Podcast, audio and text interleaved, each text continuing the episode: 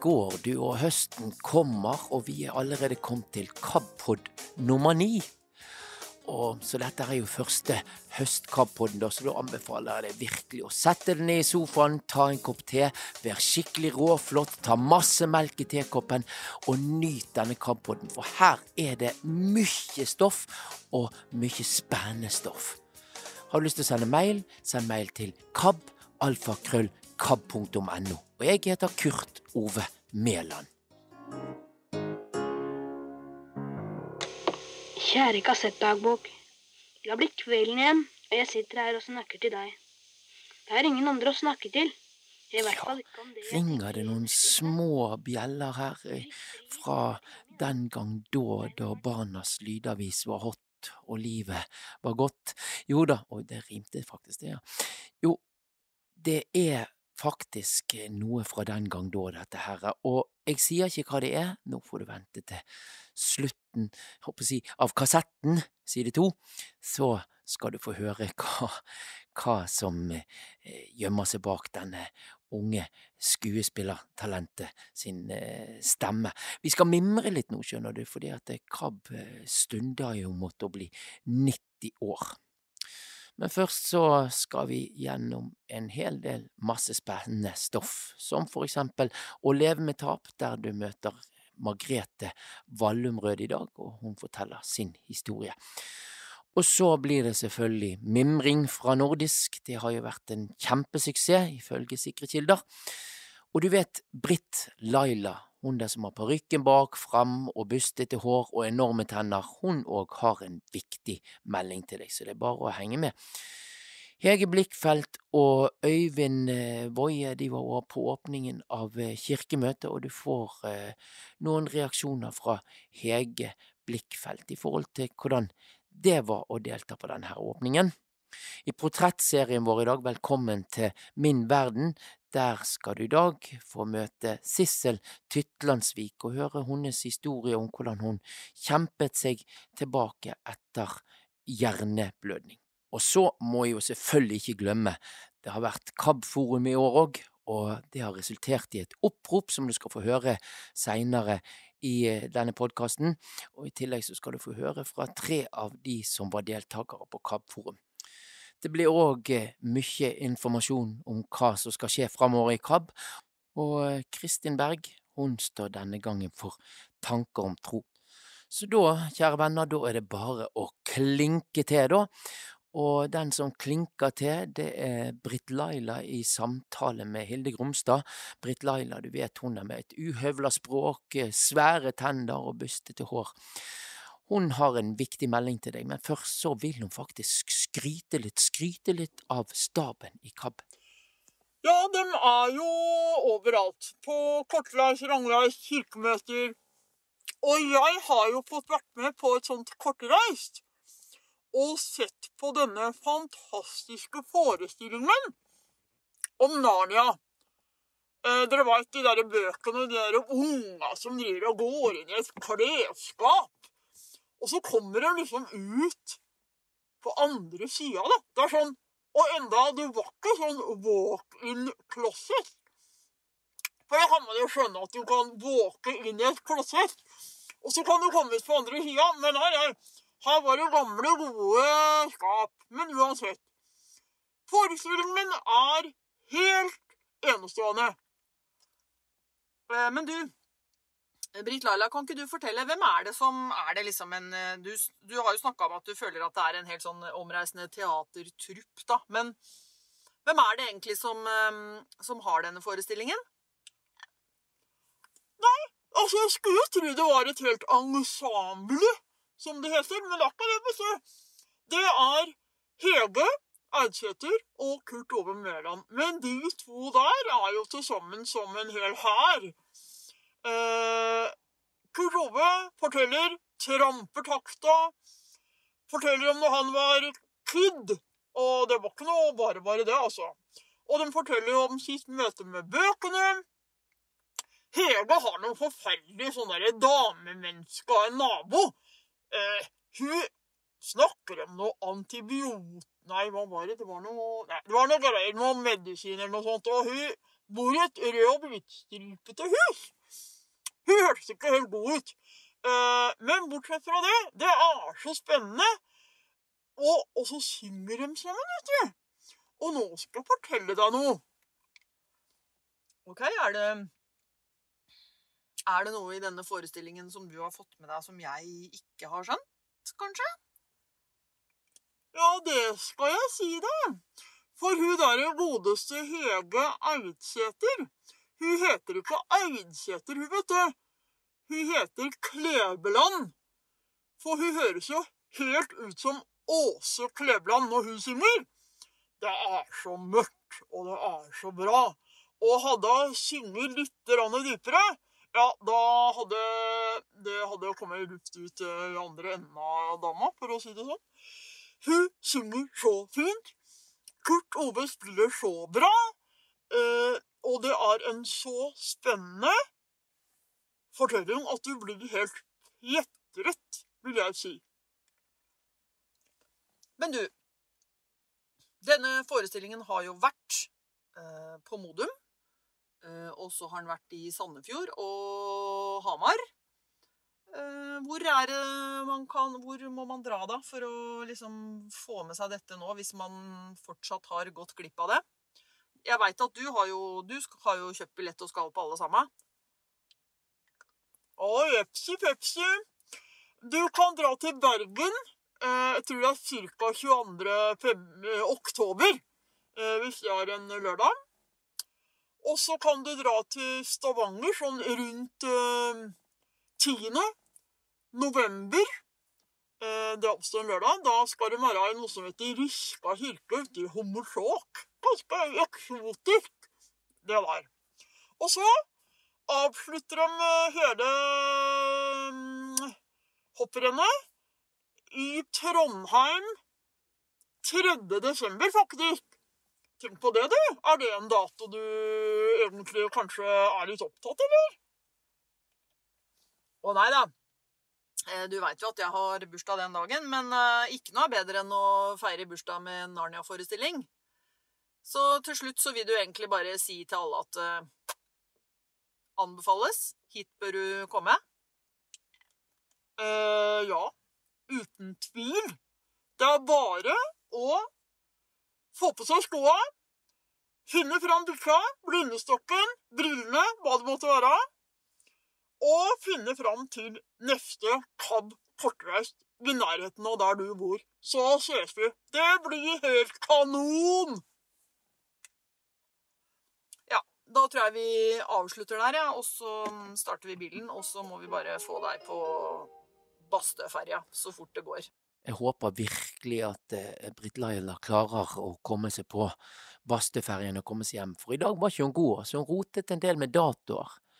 For eksempel så er eh, kortreist i Riska kirke i Hommersåk, det er 19. november. Sett den opp, du som bor i Stavanger-traktene. Altså 19. november. Motorsnipe. Så her er det både segel og motor. Oi, den var Skal vi se om det står noe hva slags motor den hadde. Ja, det her hørte du da Øyvind Woie og hans svenske venner på Nordisk som var på båtmuseum. For det nå skal vi til Nordisk 2022. For KAB de har nemlig to søsterorganisasjoner, og det er en i Sverige og en i Danmark. Og 15. til 18. september så møttes 69 deltakere og ledere på Å stiftgård utenfor Uddavalla. Var ikke det bra uttalt, forresten? Og de møttes til Nordisk konferanse 2022, der tema for samlingen det var Min plass i menigheten, muligheter og utfordringer. Og så ble det tid for en konsert med den funksjonshemmede artisten som heter Lena Marie, heter hun. Og til og med en minipilegrimsvandring i det vakre kystlandskapet i Sverige. Vår altmuligmann, nå som reporter, Øyvind Boje, han eh, møtte tre av deltakerne fra denne nordiske konferansen. Men før du hører det intervjuet, så skal du få høre litt fra hun artisten som heter Lena Marie, altså. Her spiller hun en gammel, god, kjent sang, men i ny språkdrakt. Hun har oversatt den til thailandsk.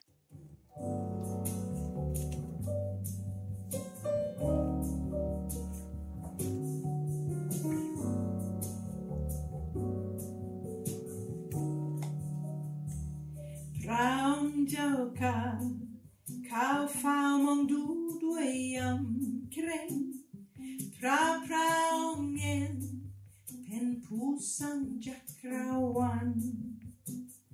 Mö mondurau Mö krauings jengfa kamram Hen fibrahat Kong prau bong tom far. Jit kasan sun prajam prapuchei praputre prajau yin yai yin yai Jit kasan sun Motorsnipan. Lise. Motorsnipa. Motorsnipa. Så her er det både segel og motor. Oi, den var Skal vi se om det står noe hva slags motor den hadde. Den første motoren var en Solo H8. Og som erstattes av en Volvo Penta, ja. Volvo Penta, ja. Det var det kanskje to hestekrefter, da. ja. Du kan bare fortsette rundt her. Kjenne på båten her. Og her er man en kahytt, eller en, hva, kaller man det? En ruff? Kajuta. Så man kan gå inn i sånne små eh, glass. som Kan du titte inn? Ja, titte inn, ja. Nå sitter jeg her sammen med norsken og svensken og dansken. Det vil si tre, tre kvinnelige representanter for eh, Norden. Eh, Hvem har vi her? Starte med deg, Tone. Tone Skuterud er fra Norge. Hvor gammel er du? Jeg er 45. Så flytter vi oss til Sverige. Ja, Kerstin Adestrøm heter jeg. Jeg bor i Göteborg og er 46. Og så er det dansken. Jeg er Hjørdis Søvsø, og jeg er 68 år og bor ved vestkysten. Så allerede der så så vi språkproblematikken på nordisk konferanse. For vi er så dårlige på danske tall, vi Kan som du bor i säga på engelsk hvor gammel du er? 68. Ah. Bra. Hjørdis, eh, har du vært på nordisk konferanse tidligere? Jeg har vært med til å starte Nordisk konferanse for snart mange år siden. Og har nok været med på fire-fem stykker. Er det noen forskjell på denne konferansen og de tidligere? Jeg synes, det er en stor opplevelse hver gang jeg er på Nordisk konferanse. Jeg kan godt like det der skandinaviske. Men da dere startet med nordisk konferanse, hva var ideen bak?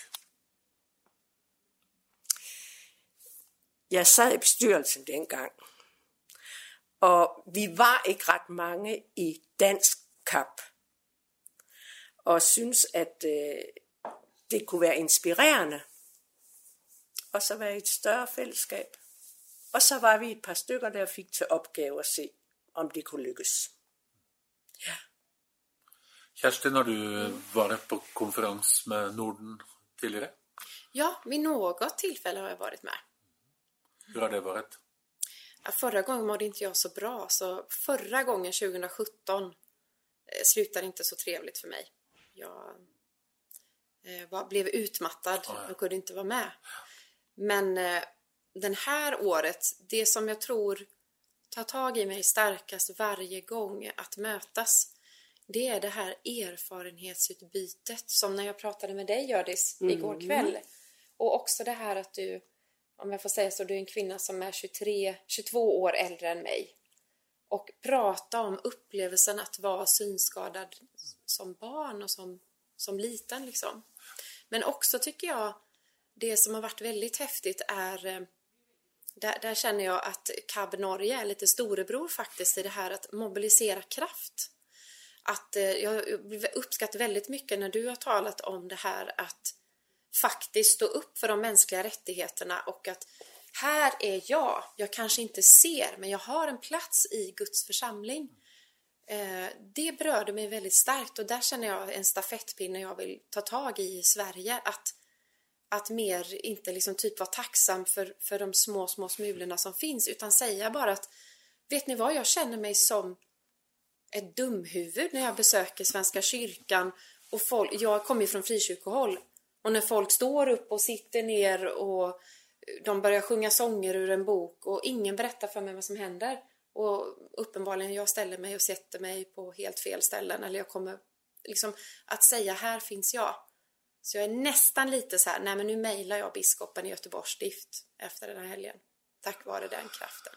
Ja, den kraften fra den nordiske konferansen. Tone, du er din første nordiske konferanse. Det er det. Hvordan har dette vært? Det har vært en veldig god opplevelse. Og det å se samholdet vi har her, og kjenne krafta i fra både naturen og Gud og menneskene som er rundt, og den nestkjærligheten. Og første gang jeg var her på det første møtet, så Å, jeg har så mange søsken. Og det er så godt å tenke på, å reflektere over livet og bare være sammen som en søsken i ånden er så viktig. Og da blir det så kraftfullt for at vi utfyller hverandre på en god, positiv måte. Hva har, dere, hva har dere gjort for noe egentlig disse dagene? Hva er det som har skjedd? Det har jo skjedd en del å være med på tidebønn og bibeltime, og du får så mye ut av det, og du lærer så mye om både deg selv og andre, da, og hva som mangler i kirken. At det, mang at det mangler så kunnskap om menneskeverd. At blir, vi blir satt utenfor. At dere er ikke velkomne, for vi har ikke den kunnskapen som trengs for at kirken skal utvides. Hjørdis, hva har du satt mest pris på med denne konferansen? Øh, jeg tror, at det har vært den begejstring, det har været. På en helt særlig måde i går. Øh, hvor Kerstin sagde det på den måde, det er som en kristusduft. Mm. Øh, Hva, hva tenker du på da? Hva mener du? der mener jeg det der med, at ånden ligesom har haft frit løb. Øh, både i forhold til alvorlige snakker med hinanden, øh, snakker på tværs, og, og for mig betyder det rigtig meget, at man øh, bevarer evnen til at, at bruge alle sine sanser så godt man kan. Så sanseligheden også bliver sluppet løs. Og der blev jeg rigtig glad i går ved din bibeltime, fordi jeg kan godt føle mig som en Bartholomeus, der sidder og råber. Og det er faktisk i orden, at vi råber.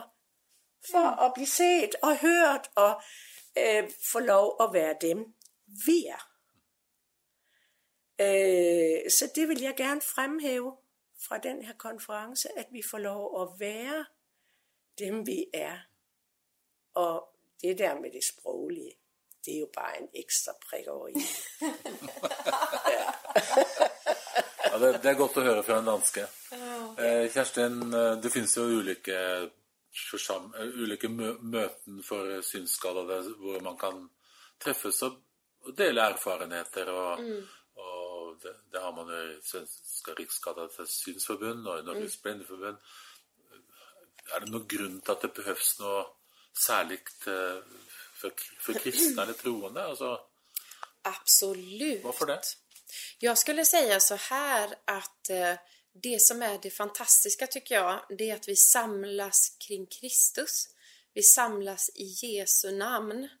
Och det betyder, eh, det är inte minst viktigt för oss som ser såklart, men jag har så många människor i, i, längs de här 28 åren jag har varit med i föreningen, ledsagare, som blir så djupt, alltså livsförvandlande möten med Kristus eh, i att vi samlas kring Kristus. Sen råkar vi vara synsvaga och, och blinda. Jag brukar säga när jag pratar med folk att ja, min funktionsnedsättning syns. Vad är det du kämpar med? Liksom. Och på något sätt, jag vill koppla på det du sa kring Kristusdoft. att det är någonting speciellt med det är krafter där i att mötas eh, kring Guds ord och, och sin tro. Och att det är lite fascinerande som du och jag. Vi träffades första gången 94. Det är lite spännande. Men den där känslan av att Kristusdoften tror jag handlar om att det känns som man känner folk fast man, det känns som jag känner dig från Norge här, min vän. Var det Tove? Tone? Tone. Tone. Liksom bara det här, det, det är en speciell Ja men det är en andedräkt eller det är en doft liksom. Och den där doften, åtminstone i Sverige, så håller den på att gå förlorad. Jag mötte en man från Uganda som är personalvetare precis som mig. Så sa han så här, hans reflektion kring Sverige var, det är intressant sa han. Eh, i, i, I Afrika så fungerar inte samhällskroppen särskilt väl. Men det är en väldigt god andedräkt. Men i Sverige så fungerar själva maskineriet, alltså samhällskroppen väl. Men det är någonting som är fel med andedräkten. Jag tycker det är en djup vishet i det där.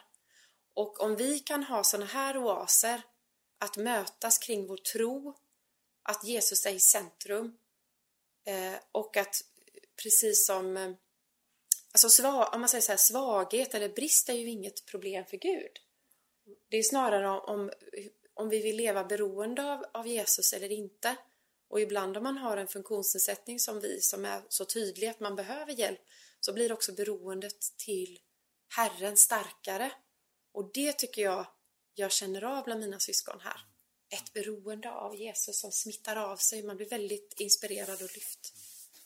Tone, hva er det du tar med deg hjem fra denne konferansen som personlig? Kommer hjem og så tenker du på det, eller hva er det du tar med hjem til ditt eget liv? Det å møte Gud og Jesus her på Å, da. Det å komme til kirken her og se altertavla, den var så spesielt å se. Hva er det med den? Det var som å møte meg selv med Gud.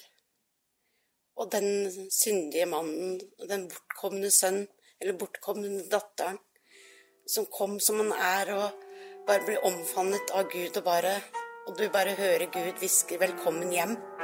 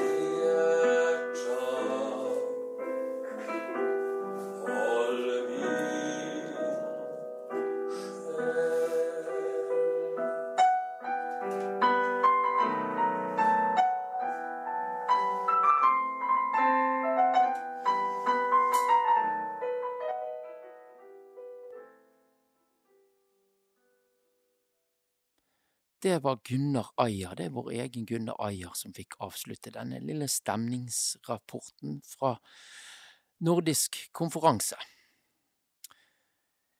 Nå, nå får du en ny episode i serien som heter Velkommen til min verden. Og I dag skal du så få bli bedre kjent med 70 år gamle Sissel Tytlandsvik fra Drammen er hun. Og hun har opplevd mye motgang i livet i form av sykdom. Hun har brei erfaring i det å hjelpe andre, først som sykepleier og seinere som helsesøster, men i 2019 så fikk hun hjerneblødning. Og det gikk blant annet utover språk, hørsel, og det å lære nytt, det ble vanskelig. Rullatoren hennes han heter Gustav, og han har blitt en trofast følgesvenn, da det har blitt litt problemer med balansen òg etter eh, denne hjerneblødningen. Anne Sanne hun møtte første gang Sissel på Sunnaas sykehus. Eh, det ligger på Nesodden, og dette var i mai. Og der var Sissel til vurdering i forhold til veien videre. Sissel hun liker friluftsliv, så Hun og reporter Anne Sanne de fant seg en plass å sitte i sol, men le for vind.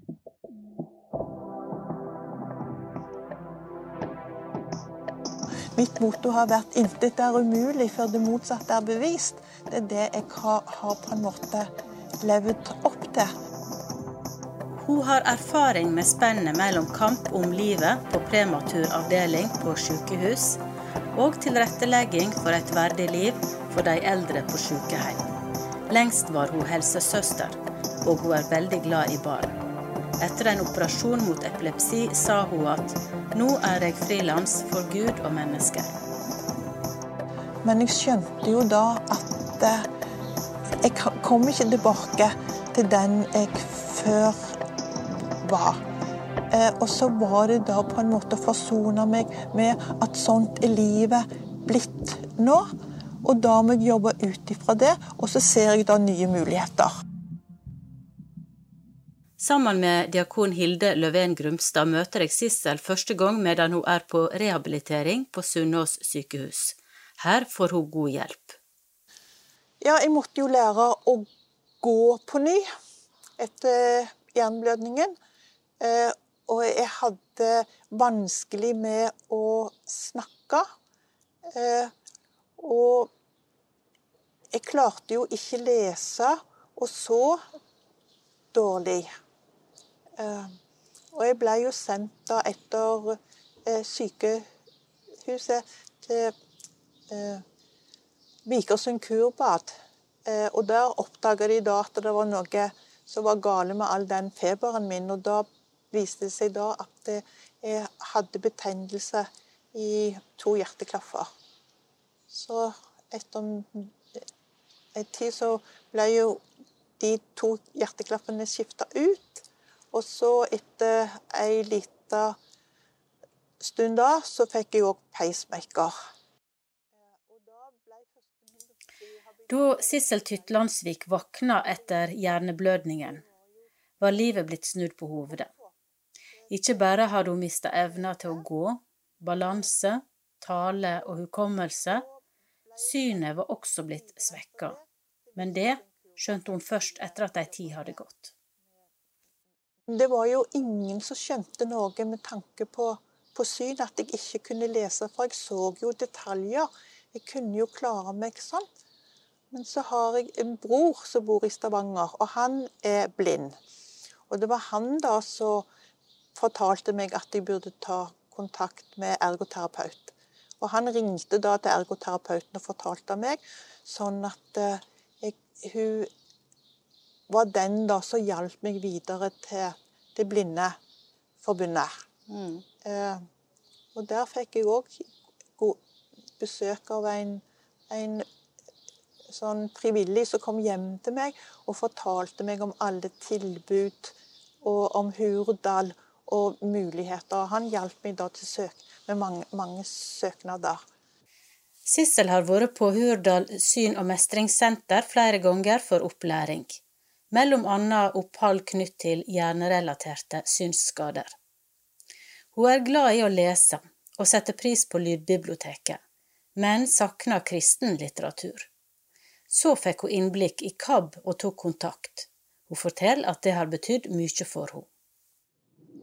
For der var det mulig å ringe inn og få snakke om troa og alt som var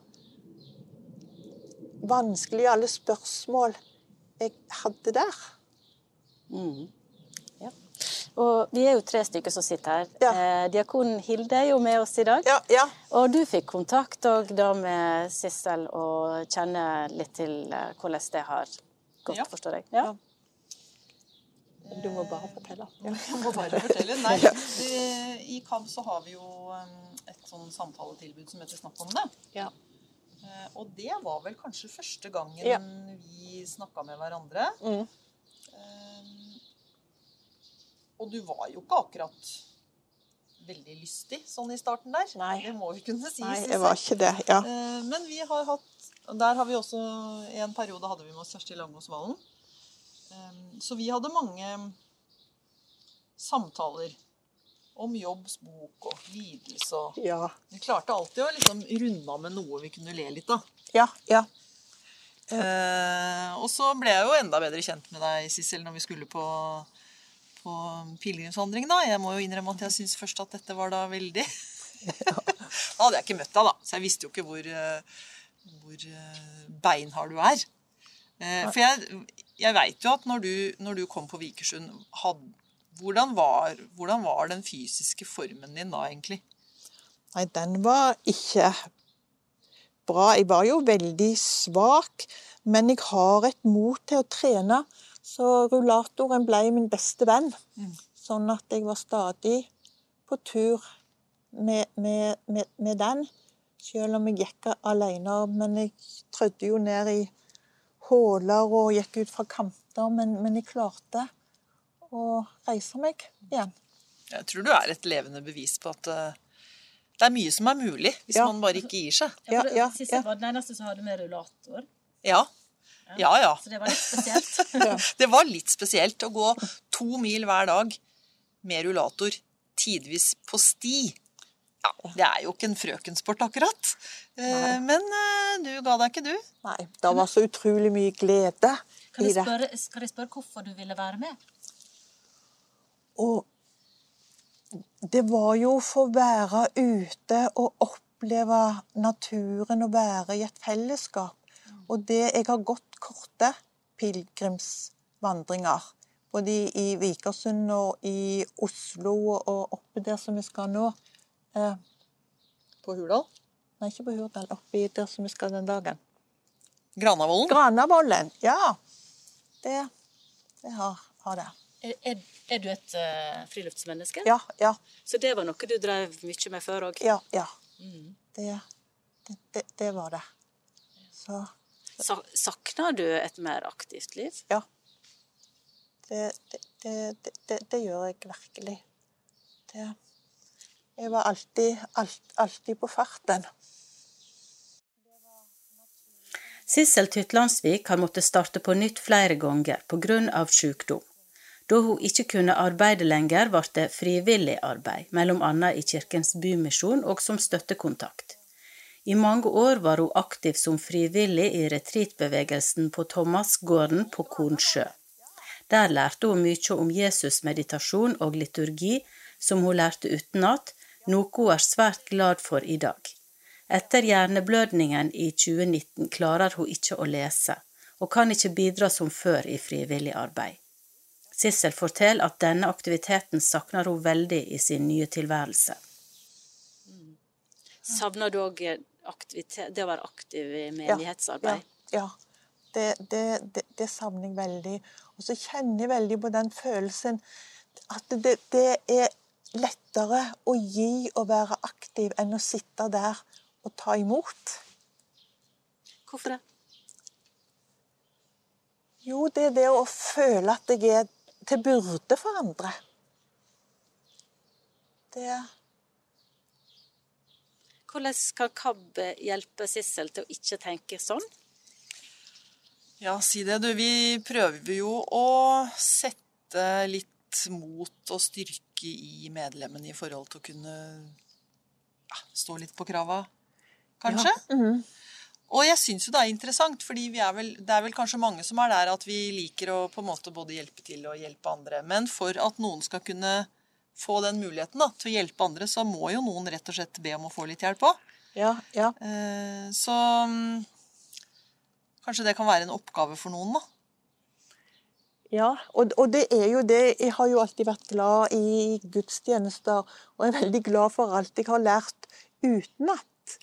Eh, men det å komme på, på gudstjeneste og bare sitte der og ikke kunne helt delta i sangen, og heller ikke få med meg alt det som blir sagt av hørselen. Eh, og derfor så har jeg ofte bedt om å få vite om hva salmer vi skal synge. Eh, for, for da leser mannen min gjennom salmene, sånn at jeg da vet noenlunde hva for noen det er. Mange kan det jo utenat, men det er ofte, ofte nye eh, salmer. Og så spør jeg jo da om jeg kan få vite det. Og noen ganger så går det veldig greit. Eh, og andre ganger så gjør det ikke det. Og da får jeg alltid masse unnskyldninger at de har glemt eller har ikke tid, de har så mye å gjøre. Og da kjenner jeg med en gang den Uff, ja, jeg vil ikke være til byrde. Og så blir jeg så motivert òg fordi at de sier rundt i menighetene at eh, når de da får vite om å tilrettelegge, eh, så sier de at det har ikke problemet har ikke vi i menigheten vår, det finnes ikke hos oss. Men, men det er jo fordi at sånne som meg og med andre funksjonshemmer, vi uteblir. Ja, det er veldig sant, Sissel. Det er sånn Nei, du skjønner, vi trenger ikke å drive med tilrettelegging Nei. for sånne med nedsatt syn her hos oss i vår menighet, for det fins ingen. Nei. hallo, men hvor er de hen, da? De er jo bare, de er jo der, men ikke i kirken. Nei, nei. Eh, Men, men du spurte i stad om liksom, hva kan KAB gjøre, da. Og vi er jo på ballen mange steder. Men én ting som vi skal gjøre nå i forhold til Drammen, det er at eh, Sissel og Grete og diakonen i KAB skal møte prosten og kirkevergen for hele Drammen kirkelige fellesråd eh, en dag i juni. Og snakke litt om hvordan kan man tilgjengeliggjøre salmevalget for søndagens gudstjeneste. Og forslaget vårt til løsning er vel at man selv som syns- eller lesehemmet kan ta ansvaret med å finne fram salmene hvis man bare vet hvor man kan finne dem. Hvis de ligger på en eh, hjemmeside eller et eller annet. Gjerne egentlig hele programmet for gudstjenesten. Eh, Og det er jo et ønske at vi Det vil vi jo at alle menigheter skal gjøre. Eh, Sånn at man ikke er avhengig av at diakonen eller presten skal komme spesielt til Sissel når hun kommer på gudstjeneste. Eh, For det, sånn har det vært litt. Og så, og så er det jo fort sånn Å nei! Deg har jeg glemt! Veldig lite hyggelig opplevelse Ja, ja, ja. for alle. Og så tenker vi jo også at uh, Sissel må jo kunne få lov å gå i en annen gudstjeneste i en annen kirke en søndag. Må jo ikke være sånn gissel i din egen menighet, og det er bare der du skal få vite hvilke salmer som synges. Så dette jobber vi med, og tror faktisk at vi skal få til en løsning. Det, det var en veldig positiv Positiv, faktisk. det var en veldig positiv eh, prost eh, jeg snakka med. Som, og vi, vi får med oss også kirkevergen. Og så må dette bare bli en sånn løsning administrativt på et kirkekontor. Og så kan de få lov å sende denne ballen videre til andre Ja, for, fellesråd. For, for det høres ikke ut som det trenger å være så veldig Nei, vanskelig, egentlig. nei, nei. Bare, bare får får vite det, og, og få mannen min til å, å lese gjennom de. Mm. Så sitter litt, i alle fall. Ja, Men du, jeg eh, tenkte vi kan ta et lite temaskift. For jeg hører jo, jeg sitter jo og er litt nysgjerrig på den eh, dialekta di. Eller det vil si, jeg tror jo at jeg vet sånn cirka hvor den kommer fra. Men kan du fortelle litt om eh, bakgrunnen din, barndom, oppvekst? Jo, jeg er fra Stavanger. Det Det hører vi. Ja. Det hører vi. Ja, det, det, det hører vi. Ja. uh, ja, du uh, vokste opp i en liten familie, stor familie. Ja, vi var uh, fem søsken med mor og far. Og jeg var den eldste. Og hadde jo mye, mye ansvar. Mm. Det. Og så tok du utdanning og flytta fra Stavanger etter Ja. hvert. Hva Mm. skjedde det? Ja. I, først gikk jeg på eh, folkehøyskole på Sagaboll på Gvarv i Telemark. Og så eh, gikk jeg eh, et halvt år på Husflid skole fordi at min store drøm var jo å, å, å få jobb, jobbe med, med håndarbeid.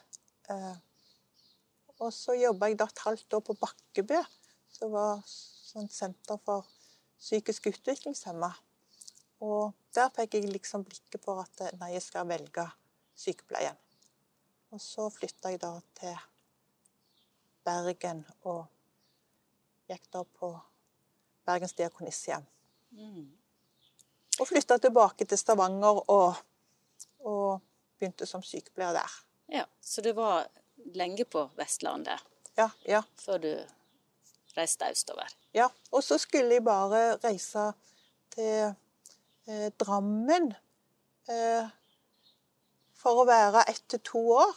For søsteren min var alene med to små barn, så tenkte jeg nå kan jeg søke jobb der og så være en del med henne. Men de årene nå er jeg blitt over 30. Mm.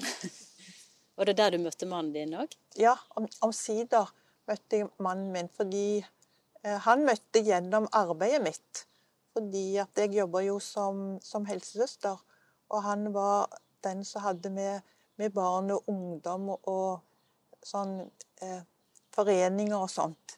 Så han hadde jo kontakt med alle sånn fritidskontakter og, og, og, og, skoler og sånt. Så, så det var nok barna på Fjell skole som førte oss sammen. Yeah. ja.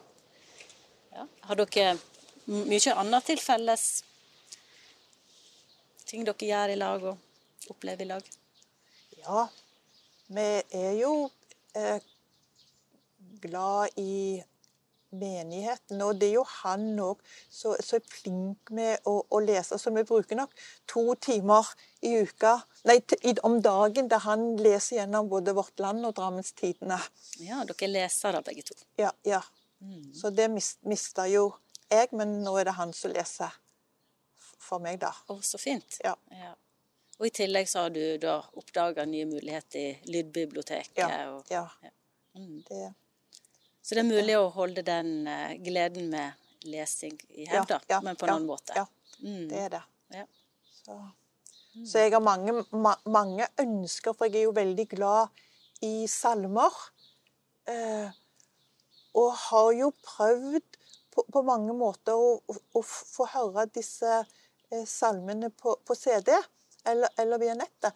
Men ofte er det sånn når du hører kor eh, synge, så klarer jeg ikke å få med meg alle ordene. Jeg får ikke med meg tekstene. Så jeg skulle ønske at alle hadde blitt lest opp. Ja, Så det skal bli den nye lydboka, det nå, Ja, ikke sant? ja, ja, ja. Salmeboka. Ja. Lest inn. Ja. Av nøye utvalgte innlesere. Ja, ja. Det. Og det som har betydd utrolig mye for, for meg, det er jo hun eh, Helga Samset og hennes måte å, å lese på. Når jeg fikk eh, Nytestamentet på nynorsk, da er jeg nesten i himmelen. ja, det er fint å høre på. Ja, ja, ja. Det, det er det. Og òg på resten den gamle, gamle Bibelen, så, så jeg òg har, har fått, fått inn For der er det forskjellige forfattere som leser inn. Så det er veldig så liksom Bibelen har blitt noe helt nytt for meg nå. Ja, det å lytte til Bibelen. Ja, ja. Mm. Og det høre er skuespillere og ikke Ja, ja, forfattere ja, som ja. leser, ja. Ja, Mm, Men det er, liksom, ja. det er proffe folk. Ja, Mm. ja. Og Frank Tangen. Og Frank Tangen, ja. Han har så god stemme når han leser. Vi har et spørsmål, det høres kanskje litt rart ut men for deg nå. Men hvis du skulle prøve å beskrive det som kan være bra i din situasjon, altså hva er det verste og hva er det beste? Eh, Jeg tror jeg har forstått litt hva som er det verste for deg, men hva, er det noe som du kan si er blitt veldig bra? Ja, det er jo møtet med, med, med KAB og med Blindeforbundet. Og, og de eh, oppholdene jeg har oppe i, eh, i, i, i Hurdal. Det- Og så er det nok òg det på en måte fordi at jeg ser jo noe å klare å se, se eh, detaljer. Og det å gå ute da og se i skogen og, og rundt omkring og se Jeg er jo veldig glad i steiner og ser forskjellige former og farger. Eh, Så de enkle, enkle tinga Mm. Gir meg mye glede. er det også noen nye menneskemøter? Ja, det er jo møtene i, i, i, i, KAB og Blindeforbundet. Og så har jeg òg fått ekstra god kontakt med, med, med Grete, eh, som er min, min støtte, støttekontakt.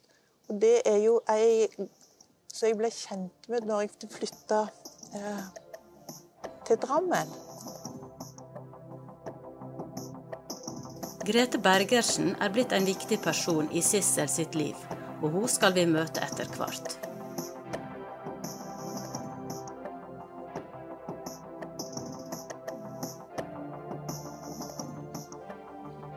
Har du noe råd eller eh, noe erfaring som du vil dele med andre som har kommet i samme situasjon som deg?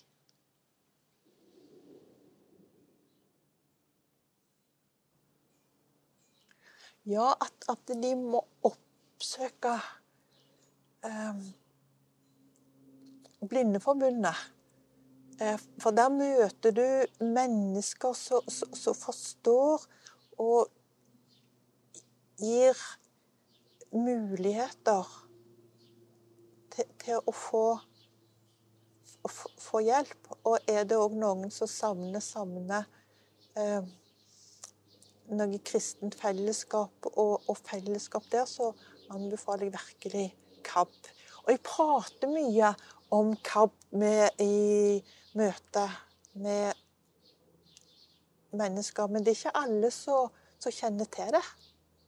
Nei. Og det prøver jeg da å fortelle ja. om. Ja, det er fint ja, at du gjør. Ja. Ikke sant, Hilde? Det er veldig fint. Eh, fordi vi, er ikke, vi skal jo ikke være en sånn godt bevart hemmelighet. Nei, nei, nei, nei. Eh, og jeg tenker litt på Det kan jo hende at det, hører, det sitter folk og hører på denne podkasten som um, kanskje kjenner noen, da. Ja. Som har vært igjennom det samme som deg. Og da Jeg tenker jo at det fins noen gode råd i forhold til hva Hva liker du? Um, at folk i dine omgivelser liksom, Hvordan skal man oppføre seg?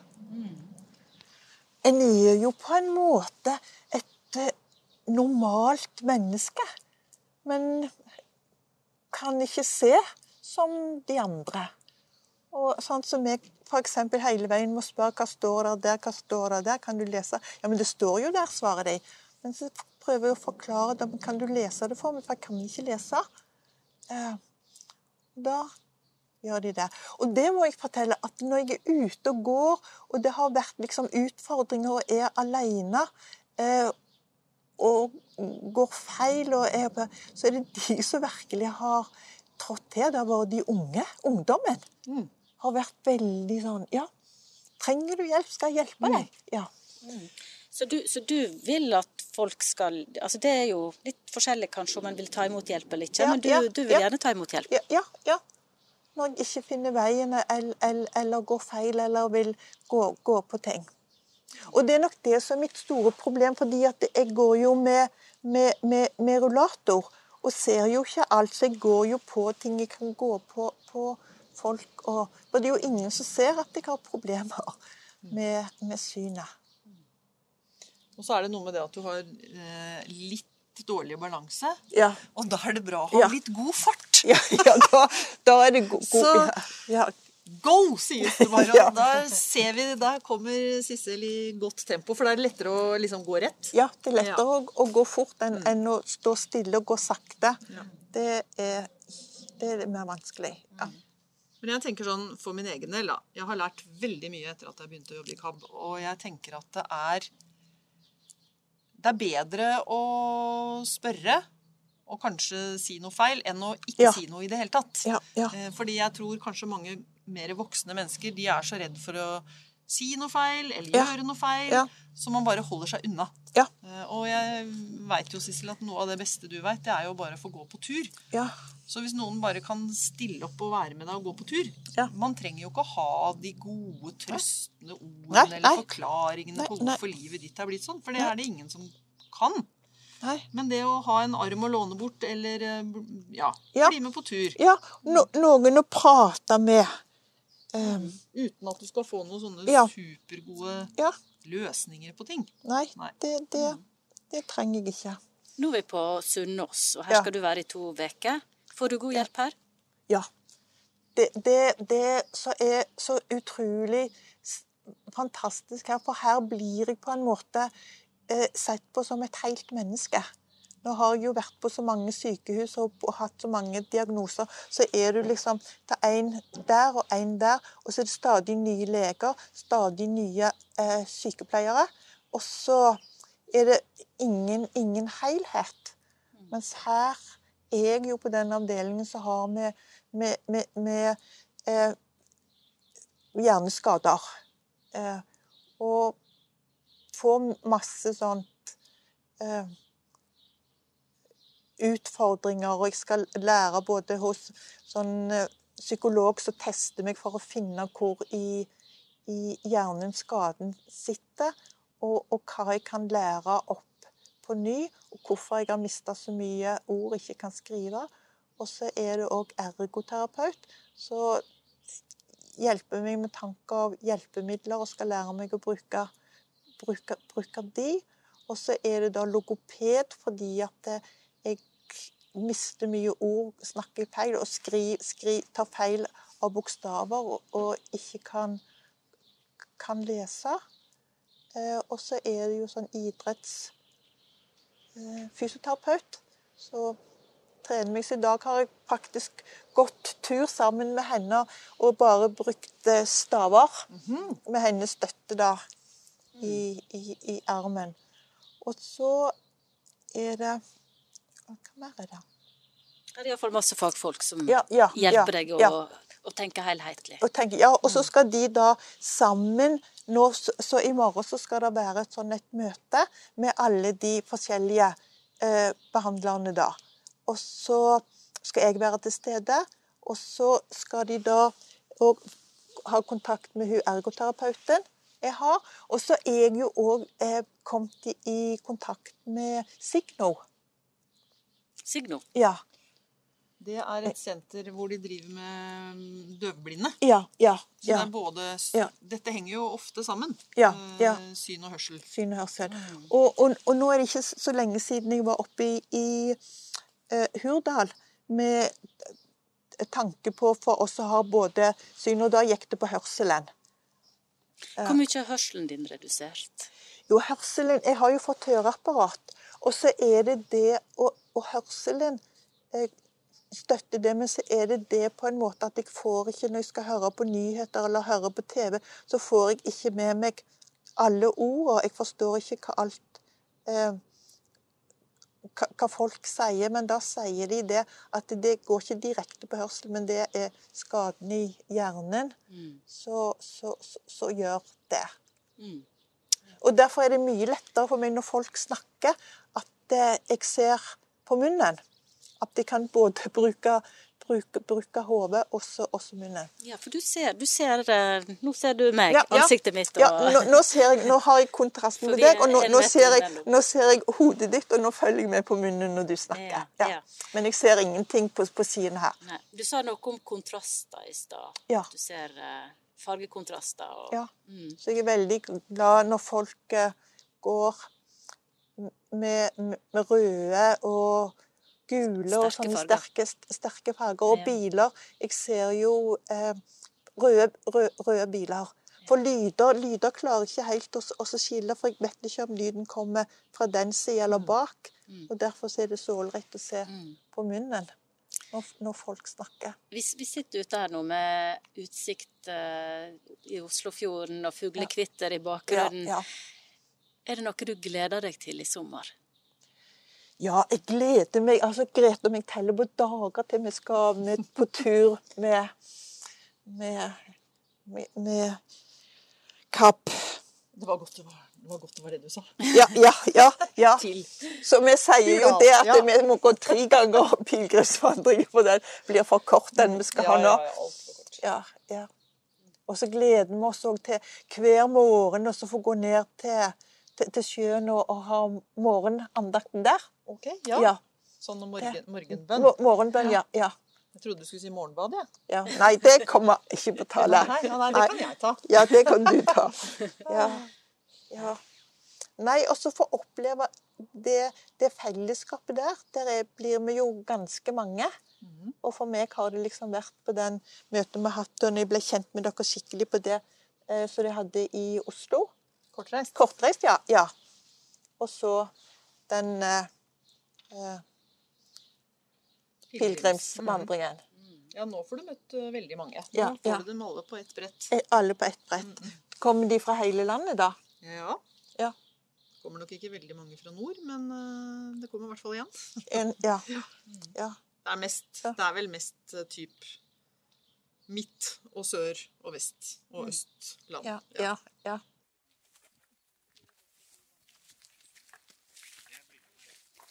Noen veker seinere er vi der, på Hurdal, for sommerfest og generalforsamling i KAB i fire dager.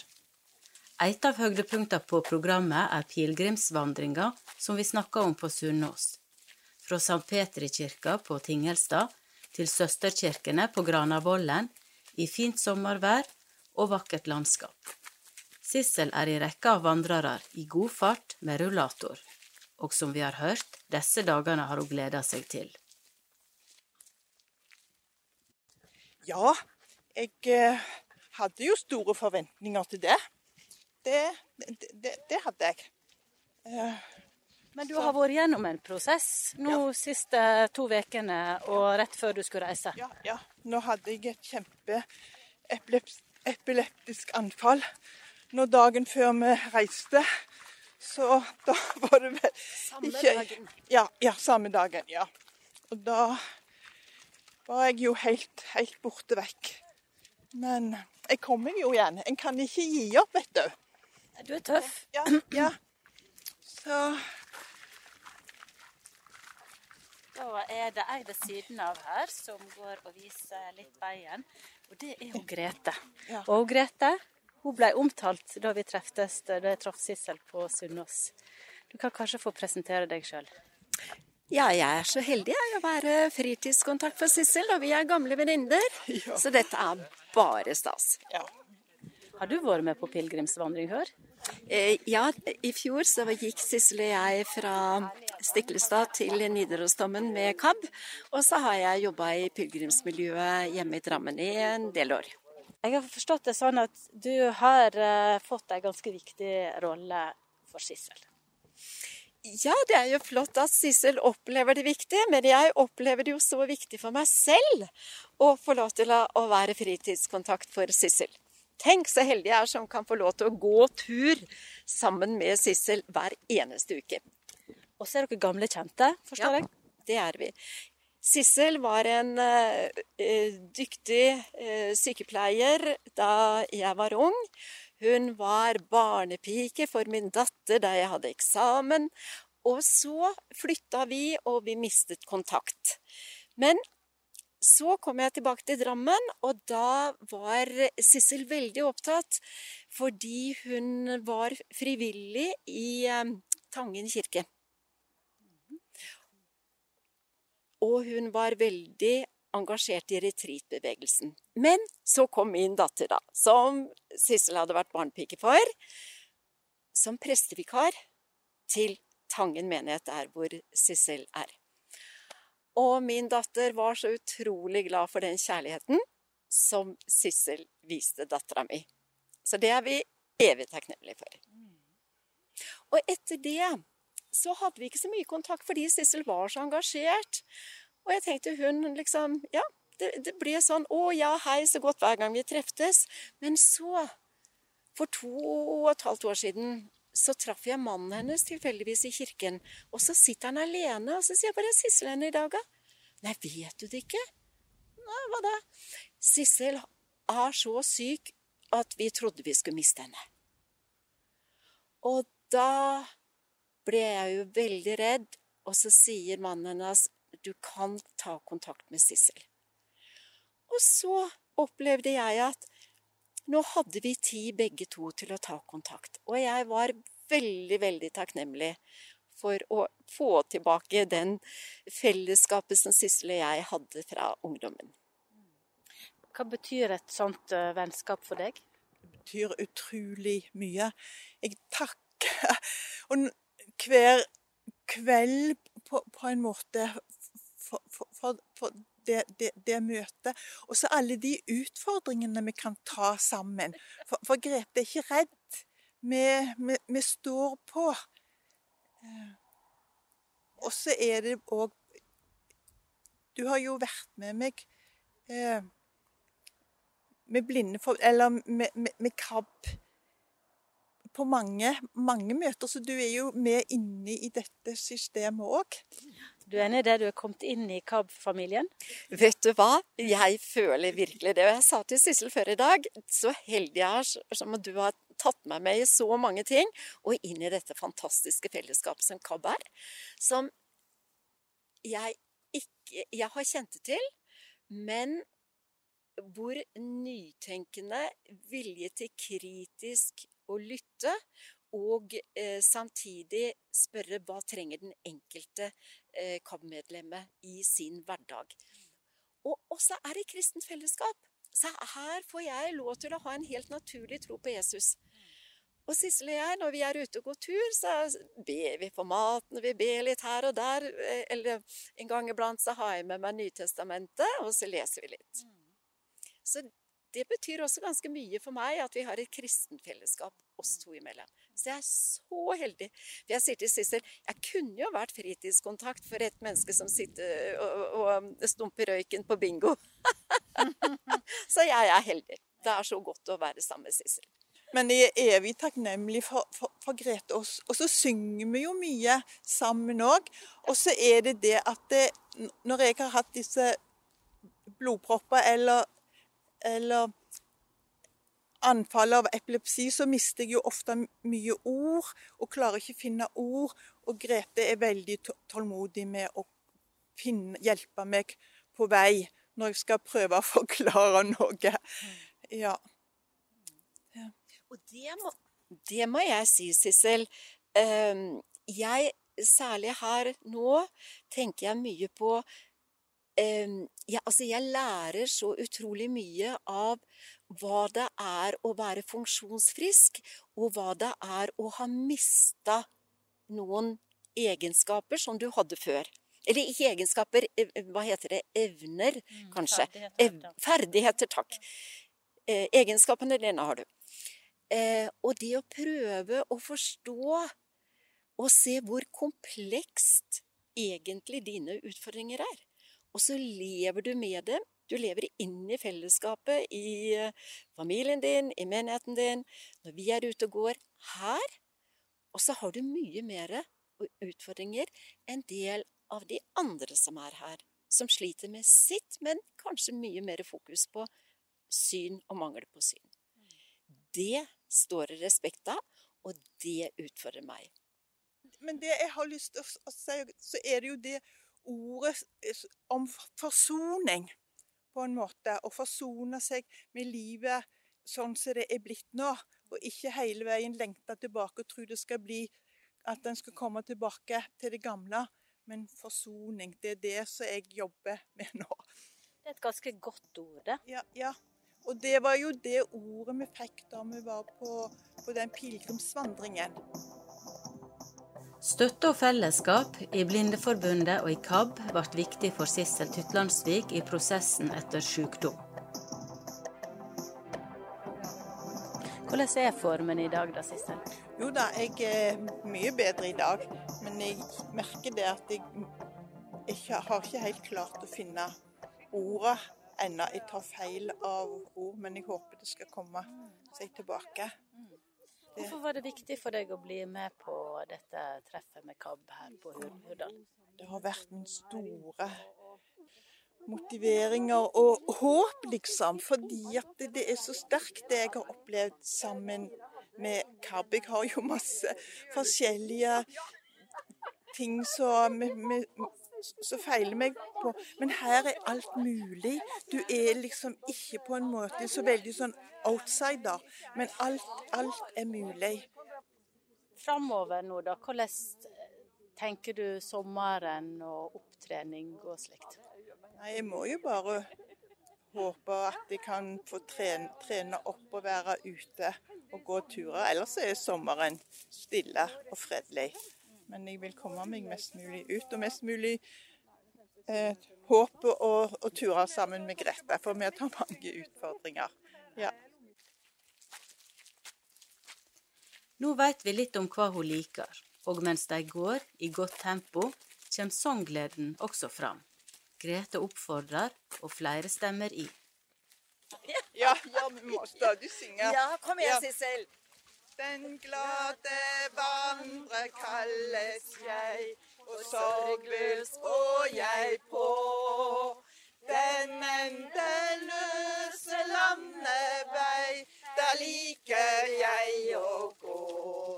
Tralleri, trallera, tralleri, trallera, tralleri, trallera der liker jeg å gå. Den varme solen er min venn, og regnet er min ro. Naturen og jeg ser den av verden.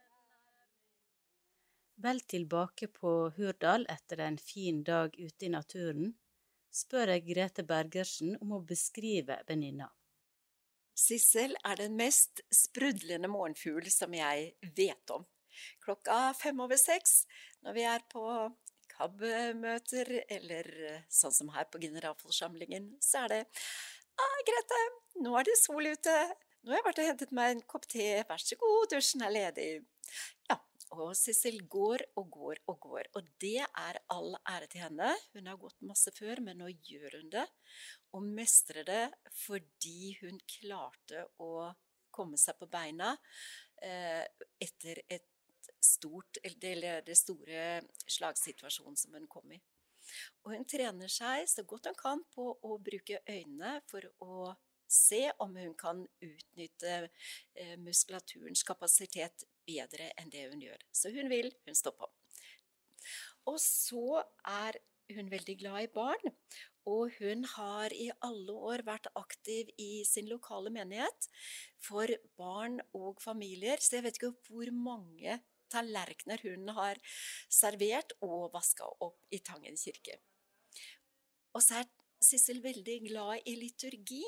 Det hviler hun i, sier hun. Og det prøver hun å lære meg å, i, å gjøre, fordi hun har vært knyttet til eh, retreatbevegelsen på Thomasgården primært, og vært frivillig der på mang en uke i løpet av mange år. Og så er hun veldig glad i å engasjere seg i meninger om hvordan kirken bør være universelt utformet for at både svaksynte, men funksjonshemmede ellers skal få like rettigheter og føle seg velkommen og inkludert. Og sånn er jeg veldig glad i og stolt av Cecil.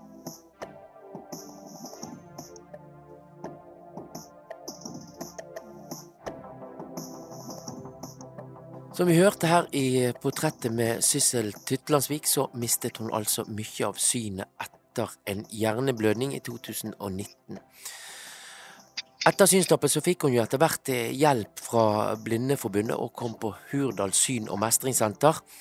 Og Gro Helen Arnesen, du er helsefagarbeider og har litt med disse pasienter som kommer til dere som har hatt eh, slag eller hjerneblødning.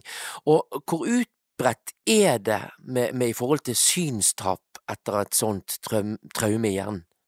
Mm. Ja, nå sies det at opptil 70% av alle som eh, får eh, hjerneblødning eller hjerneslag, får noe med synet. Så det er ganske utbredt. Er det mye som kan fikses med det med trening og sånt? At, at, man, at man, kan læres opp til at det er litt sånn eh, kognitive øvelser som hjelper for sånne ting, eller? Altså, vi tenker jo først og fremst at det å få kartlagt hva er problemet, eh, er veldig viktig for veldig mange. Og noen må bare innfinne seg med at dette må jeg leve med, og finne ja, forskjellige teknikker, finne måter å leve med det. Og så er det andre som, som sier at synstrening hjelper veldig godt. Og der er det jo litt viktig kanskje å komme i gang tidlig. Mm. Det er jo, med all trening så, så, gjelder det jo det å komme i gang eh, ja, ganske tidlig i prosessen. Da. Men hvordan klarer dere det, da? Altså, får dere beskjed med en gang det er en pasient en, som har fått slag som har redusert syn, eller må, må folk som får disse diagnosene henvende seg til, til deg og Hurdal? Og Blindeforbundet? Dessverre, dessverre så, så, er det jo sånn nå i, i kartlegginga av av disse skadene etter hjerneslag at uh, fokuset har ikke vært på syn i det hele tatt. Det har liksom vært på armer og bein og, og det kognitive. Uh, sånn at vi ser at veldig mange kommer litt seint i forløpet uh, i kontakt med, med synspedagoger. Men det begynner å hjelpe seg. Ja, ikke det er veldig betenkelig at det ikke har vært eh, fokusert på før? Ikke litt rart? Ja, vi synes jo det. Og jeg, jeg har jo kursdeltakere som sier det at hadde jeg kommet først til synstrening, så hadde det vært mye enklere å tenke balansetrening, tenke andre ting etterpå. Ja, når du først har Eh, fått litt kontroll på synet, kanskje? Ja, ikke sant. Og det er, jo, det er jo mange som også da jobber lenge hos logoped, kanskje, før man får begynt å sette på synet. Og så ser man det at eh, ja, når, når skrift har blitt vanskelig, da, når, når eh, bokstaver flyter i hverandre, når eh, eh, ja, bokstavene hopper på arket, eller om, om når halve linja blir borte, så er det jo vanskelig å jobbe med det skriftlige. Vanskelig å og kanskje jobbe med logopeden også. Så sånn sett så burde jo kanskje mange ha kommet tidligere inn i, i synstrening. Men hva kan dere som organisasjon gjøre for at folk skal komme tidligere inn i den prosessen dere har å tilby? Jeg vet at eh, det jobbes veldig mye i Blindeforbundet sentralt med det. Og, og synspedagogene i Hurdal har jo også vært med på konferanser og snakket mye om det, så jeg vet at det jobbes med.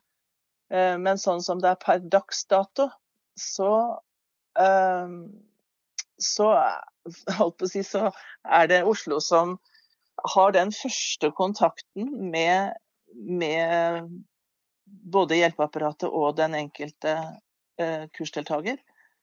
Og så kommer de opp til oss og får da trening og eh, ja, de andre fagene også vi kan tilby, kanskje litt senere i prosessen.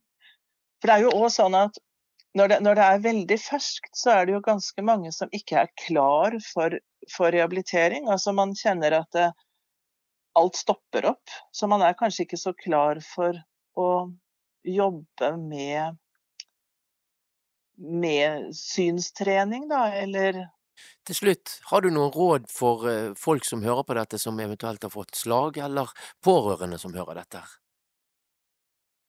Først og fremst så tenker jeg jo det å få kartlagt uh, hva er problemet. Få det kartlagt sånn at man vet selv hva det er. Og få da råd fra synspedagogene til hvordan jeg kan gå videre. Inne på Adel-kjøkkenet hos meg så har vi stående en, eh, en stor plakat som sier 'lytt til gode råd'. Ta egne valg, for livet har ingen fasit.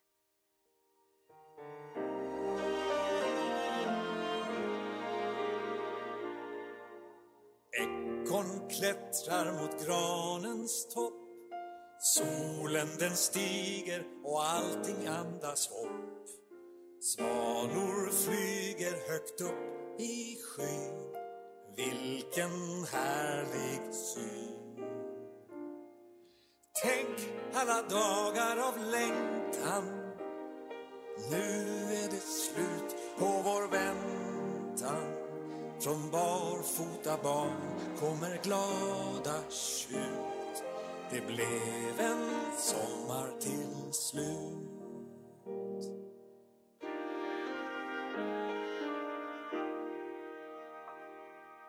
Morfar står på sin første kvist Ser sig omkring och blir ung på nytt, ja visst. Gläder sig när han ser de små och minns hur det var då En docka blev till utav kotten Ett blad blev ett segel på flotten. Och nu är vi här, vi kan andas ut. Det blev en sommar till slut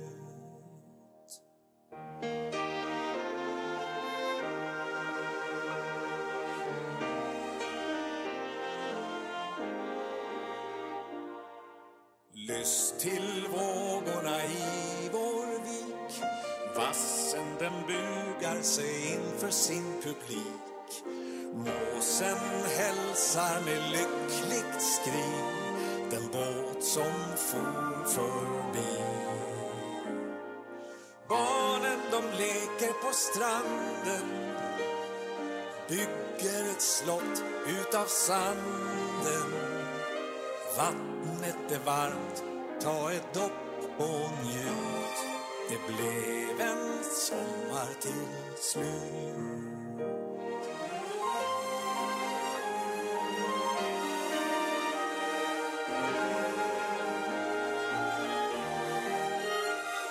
Ja, vattnet är varmt, ta ett dopp och njut. Det blev en sommar til slutt. Ja da, ja da, jeg vet at dette var et feil tidspunkt når høsten har kommet å spille en sånn vakker sommerlåt som dette. Men grunnen til det at jeg gjorde det, det var det at det- er veldig kjekt det der å surfe litt på Spotify. Gå rundt og se på gamle helter, og Per Erik Alin han er en gammel helt, og plutselig så hadde han gitt ut en ny singel, men denne sangen her var langt ifra den funky, groovy personen som spilte på 80-tallet og fikk oss TenSing-gitarister til å øve og mestre en av de kuleste riffene her på denne jord, ifølge meg, Gospel Train-introen. Så det var en gammel, ikke så groovy utgave av Per Erik Alin. Og nå, nå eh, blir det litt kirkestoff her. Øyvind Woie og Hege Blikkfeldt de var på åpningen av kirkemøtet, og ja, da setter jeg bare ordet over til Øyvind Woie, så får han ta resten her. KAB reiser hvert år til åpningen av kirkemøtet i Den norske kirke. Denne gangen var det nestleder i landsstyret, Hege Norseth Blikkfeldt, og føreren Loke som reiste, sammen med generalsekretæren som ledsager. KAB møtte opp med et klart budskap i bagasjen om at funksjonshemmede kirkemedlemmer må få være med å bestemme. Den norske kirke har et stort demokratisk underskudd. Funksjonshemmede er ikke representert på kirkemøtet og i de aller fleste demokratiske prosesser i kirken. Vi mener det er diskriminerende. Føreren Loke gjorde en strålende innsats, det kan du lese om på Facebook, og Hege Norseth Blikkfeldt fikk være med på åpningsgudstjenesten. Etter intervjuet med Hege så får du høre KABs kronikk fra avisen Vårt Land om kirkemøtet. Hege, nå står vi på utsida av Vår Frues kirke, og du og Loke her nede Hei, Loke. Du snuser litt. Ja. Dere har nettopp eh, vært med å åpne kirkemøtet. Hvordan var dette? Ja, det var helt fantastisk.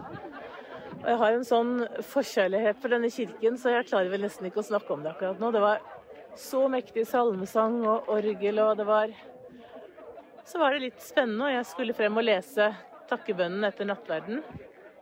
Det gikk bra, det òg. Hvordan kom du deg fram? Jeg gikk med Loke og sogn, sognpresten. Domprosten. Dom, unnskyld, domprosten. Selveste domprosten. Eh, han ledsaget meg flott frem til lesepulten, og Loke fikk føre i selen sin. Eh, ja, det var helt eh, stort å være her. Og da du skulle opp til nattverd, da var, det, da var jo Bård borte, og jeg var heller ikke der. Hva, hvordan kom du deg opp til nattverden? Avtalt litt, så jeg gikk med Arve Juritzen. Og det gikk helt fint. Klarte han å gjøre ledsageroppdraget sitt godt? Ja da, det var ikke langt, og han eh, var veldig flink. Han viste meg og liksom signaliserte at først er det din tur, og så var det ham etterpå. Så det gikk veldig fint. Jeg hadde lyst til å gå til nattverd den flotte kirken, som jeg ble kjent med da det var salmeboken minutt for minutt. Var fantastisk å være med deg her, og ikke minst at eh, Loke har oppført seg som en, en riktig flott kirkegjenger og bare tok imot musikk og sang og alt som skjedde, og var eksemplarisk. Helt utrolig. Hva betyr det for deg og for KAB å få være med i denne åpningsgudstjenesten på kirkemøtet, tror du? Jeg tror det er viktig at vi har vært her. At vi har, eh, at vi har vist oss frem. At vi, at vi fins. Og at jeg både hadde dokumentet i, i eh, PDF på telefonen min med leselist, og fikk eh, en del av programmet i punktskrift via dere, via KAB. Via oss, egentlig. Ja. Det som var litt vanskelig, var jo at eh, dokumentet var lagt med masse grafikk og bilder, så alle salmevers manglet første vers, mens andre verset kom på. Så jeg måtte stadig bla gjennom bilde, bilde, bilde, bilde som det sto før jeg fant liksom neste steg i gudstjenesten. Så de har ikke tenkt på eh, universell utforming i dokumentet sitt. Og jeg har ikke rukket å se på det på forhånd heller. Så det skal de få vite. Ja, hvorfor er det viktig at de vet noe om det? Fordi da er det enkelt å bare bla til neste og neste steg, og når du legger fra deg alt sammen, så kan jo av og til skjermen gå i lås, og Eh, Jeg ordnet jo det at den ikke skulle, men gjør det jo allikevel av og til. Og, og da er det viktig at man lett kan kunne finne neste, neste steg i gudstjenesten, så man kan følge med og ikke føle seg utenfor og akterutseilt. Ta litt tid å få oversikten når man ikke ser. Og så skal man jo også vite hva som skjer rundt. Altså når man skal reise seg, sette seg, hvem er det som snakker nå, er man litt opptatt av. Hvem går frem? Neste i verdidebatt Hvor lenge skal Kirken diskriminere funksjonshemmede? Innlegg ved Øyvind Woie, generalsekretær KAB, Kristent arbeid blant blinde og svaksynte. Den norske kirke. Kirkemedlemmer med funksjonsnedsettelser får ikke være med å bestemme når nye kirkeordninger skal vedtas. I 2016 kom Kirkenes verdensråd, KV, med dokumentet The Gift of Being. Det beskriver hva Kirken må gjøre for å motvirke at funksjonshemmede utestenges fra å være med i kirkeliv og kirkedemokrati. KV tydeliggjør at kirkene må velge et rettighetsbasert innsteg i møte med funksjonshemmede. Fokuset ble flyttet fra omsorg for til retten til. Kirken diskriminerer. Den norske kirke har mange gode intensjoner og vedtak om hvor viktig det er at alle skal med. Nylig vedtok Kirkerådet et dokument om likestilling, inkludering og mangfold. Her kan vi lese at Kirken har nulltoleranse for alle former for diskriminering som hindrer mennesker i å oppleve seg som et fullverdig medlem av fellesskapet, og som begrenser et en i å ta i bruk sine evner og kompetanse i kirkens tjeneste. Vår erfaring er at kirkemedlemmer med funksjonsnedsettelse diskrimineres og begrenses i Den norske kirke i dag. Det mangler salmebøker for synshemmede og personer med lesevansker, trosopplæring blir ikke tilrettelagt, kirkelige ansatte får ikke tilrettelegging, rullestolramper mangler, teleslyngene fungerer ikke, osv. Er vi ikke viktige nok? Den norske kirke har opprettet en nasjonal koordineringsgruppe for arbeidet med likestilling, inkludering og mangfold som skal jobbe med dette feltet. Der finnes det ingen som representerer funksjonshemmede, og det er nettopp dette som er kjernen i problemet. Mennesker med funksjonsnedsettelser blir ikke hørt i Den norske kirke. Eller, det er ikke helt riktig, noen få blir hørt, men det kommer vi tilbake til. 15–18 prosent av befolkningen lever med funksjonsnedsettelser. FN og funksjonshemmedes organisasjoner omtaler gruppen som verdens og Norges største minoritet. De mener at gruppen ikke har samme menneskerettslige vern som andre minoriteter. Tale vår egen sak. Kirkemøtet er kirkens storting, i gåseøyne, og det øverste demokratiske representative organ i Den norske kirke. Det skulle bety at alle som er medlemmer i kirken, er sikret representasjon, at de har noen som taler deres sak på kirkemøtet. Slik er det ikke. Den norske kirke har et velkjent demokratisk underskudd når det gjelder kirkens største minoritet. For å bøte på dette i det sivile demokratiet pålegges det tiltak ved lov. Alle norske kommuner må opprette råd for funksjonshemmede. Det skal sikre at funksjonshemmede blir hørt i alle saker. Det finnes ingen slike råd i Den norske kirke. Heller ingen ombudsmann og ingen fast representasjon på kirkemøte, i bispedømme eller menighetsråd, verken for fysiske eller kognitive funksjonsnedsettelser, skråstrek utviklingshemming. Ulik praksis. Men kirken har en praksis der enkeltstående grupper blir hørt. Det gjelder døve og kirkemedlemmer med samisk etnisk bakgrunn. Vi har vanskelig for å forstå hvorfor funksjonshemmede på generelt grunnlag ikke skal være sikret slik representasjon. Vår erfaring er at de som er til stede i rommene, blir hørt, og for all del, dette er ingen kamp mellom grupper. Både KAB og Døvekirken gjør en jobb for kirka og er spesialister på tilrettelegging for våre målgrupper. Forskjellen er at Døvekirken mottar store bidrag fra Den norske kirke. KAB må drive rettighetsfestet trosopplæring og tilrettelegging på vegne av Den norske kirke med innsamlede gaver fra enkeltpersoner, sponsorer og kirkeofringer for å kompensere det lille vi får fra Kirkerådet. En blindflekk. I opptakten til kirkemøtet har det vært gjort to store utredninger om hvordan kirkene bør organiseres. KAB har deltatt i høringene og sagt tydelig og klart fra om at funksjonshemmede ikke blir hørt. I grunnen har vi holdt på med det i snart 90 år. Verken Müller-Nilsen-utvalgets eller Harald Askelands dokumenter nevner kirkemedlemmer med funksjonsnedsettelser, bortsett fra døve. Det er kanskje ikke så rart, for ingen funksjonshemmede har vært involvert eller invitert i noen deler av utredningene. De har kun fått uttale seg etterkant gjennom høringene. Dette er en blindflekk i det kirkelige demokratiet. Er vi glemt, forbigått, utestengt, er vi for marginale og uinteressante? Nei, svarer Morten Müller Nilsen når KAB spør. Det er ikke å tolke som et uttrykk for min og utvalgets vurdering av tematikkens viktighet, kun et uttrykk av utvalgets tid og ressurser i arbeidet med et omfattende mandat. Harald Askeland beklager at gruppen ikke er nevnt i rapporten hans, men presiserer på målstreken når rapporten skal overleveres kirkerådslederen, at Kirken har et stort ansvar for å legge til rette for demokratisk deltakelse for personer med funksjonsnedsettelser. Det var KAB som minte ham på det. Kirkemøte med makta FN-konvensjonen for funksjonshemmedes rettigheter og bærekraftsmålene, likestillings- og diskrimineringsloven, trossamfunnsloven er tydelige på at demokratisk deltakelse må løftes, og ikke legge til rette for at funksjonshemmede får mulighet til å delta i demokratiske kirkelige prosesser er rett og slett diskriminering. Representasjon og tilstedeværelse gir oppmerksomhet og fokus, slik at det også bevilges midler, og at ulike stemmer får høres når beslutninger skal tas og ressurser fordeles og forvaltes. Tornen i kirkekjødet er at funksjonshemmede ikke blir regnet med. Det er ingen grunn til å anklage Askeland og Müller Nilsen, de har gjort jobben sin, men de som har laget oppgaven og ga dem mandatet, glemte at det finnes en god del mennesker i Den norske kirke som faktisk må ha litt mer for å få like mye. Kan en kirke glemme noe slikt, da? Egentlig er det skikkelig demokratisk krise allerede nå. Kirkemøtet 2023 skal nemlig utrede og fatte vedtak om hvordan Den norske kirke skal bli en universell utformet kirke. Det demokratiske grunnlaget legges på dette kirkemøtet.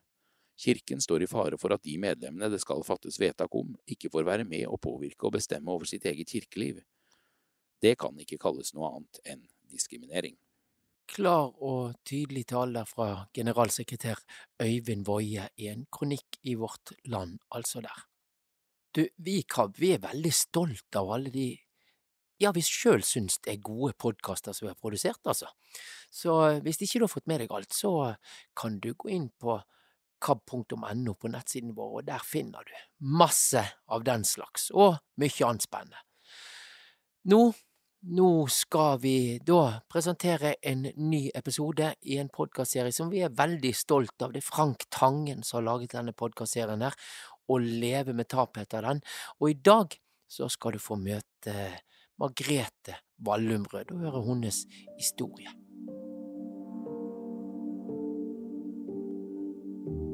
Du hører på podkasten Å leve med tap der programleder Frank Tangen i dag møter Margrethe Wallumrud. Hun forteller historien om å føde sin døde sønn. Så kom det en lege inn, og så sier han ja, du har kanskje skjønt det, men du skal nok ikke regne med å få noe levende barn med deg hjem. Det tok 30 år før hun fikk hjelp til å bearbeide denne sorgen. Så mistet hun synet og gikk inn i en dyp depresjon. Og det vil jeg si, det er den største tragedien det har hendt meg. Barna de syntes det var fælt å se mamma lide på denne måten, så til slutt så fikk de hun til å ta tak i livet. Jeg heter Margrethe Wallumrød, og jeg går i mitt åttiende år. Jeg er dansk, men det, jeg kom til Norge for 60 år siden. Vi sitter hjemme hos deg, Margrethe, ved peisen på Sundbyfoss i Hoff kommune i Vestfold. Men eh, nå skal vi tilbake til 1966. Du var 27 år gammel, stemmer ikke det? Ja. Hvordan så livet ut for deg og mannen din den sommeren og høsten? Ja, jeg har lyst til å fortelle at Vi gifter oss i 64, og i 65 da var jeg med mannen min i militæret oppe i Nord-Norge. Oppi Jeg fikk jobb som hushjelp hos presten i Karasjok. Og så kom vi hjem eh, i 65, og da, i 66, skulle vi ha vårt første barn. Og vi gledet oss veldig til det.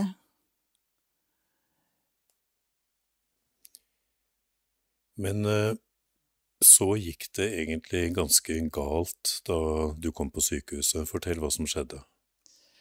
Ja, jeg kom på sykehuset en lørdagskveld og ante fred og ingen fare. Så kom jeg på fødeavdelingen, og da fikk jordmødrene det så travelt. De hvisket og tisket og lyttet på maven min, og Men jeg skjønte ikke at det var noe galt. Så kom det en lege inn, og så sier han ja, du har kanskje skjønt det, men du skal nok ikke regne med å få noe levende barn med deg hjem.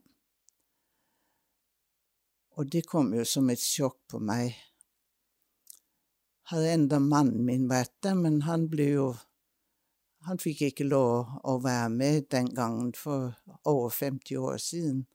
Han var blitt Ja, han, at, at han bare kunne reise hjem, og så ville han høre når det var overstått. Klokken tre om natten fødte jeg en stor gutt som var dødfødt. Jeg fikk ikke sett han i det hele tatt, og jeg ble kjørt inn på et undersøkelsesrom og lå der resten av natten, og tvers over gangen, der lå alle babyene og skreik, og ingen av dem var mine. Det var forferdelig.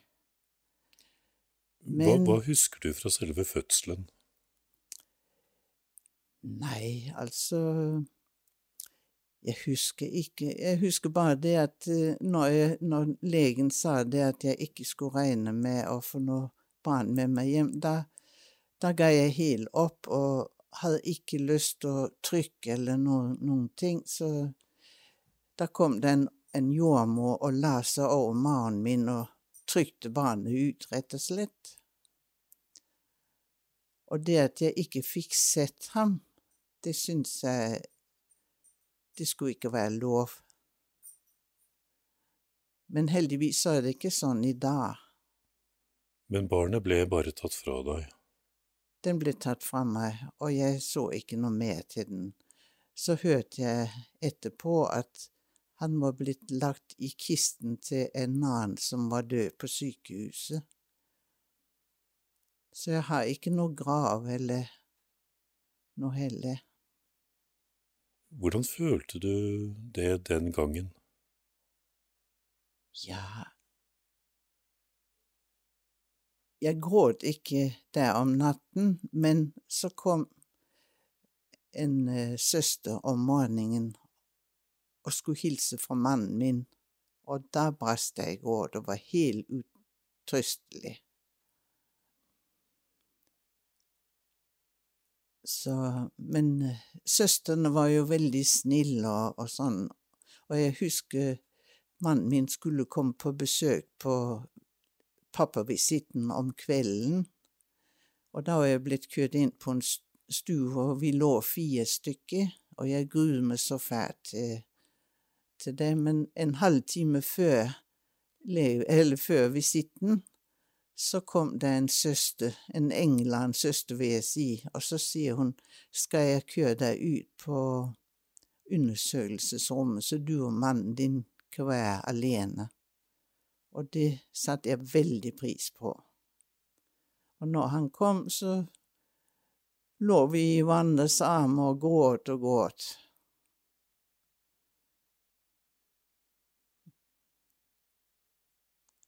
Du skulle altså skånes for å se og holde i det døde barnet ditt.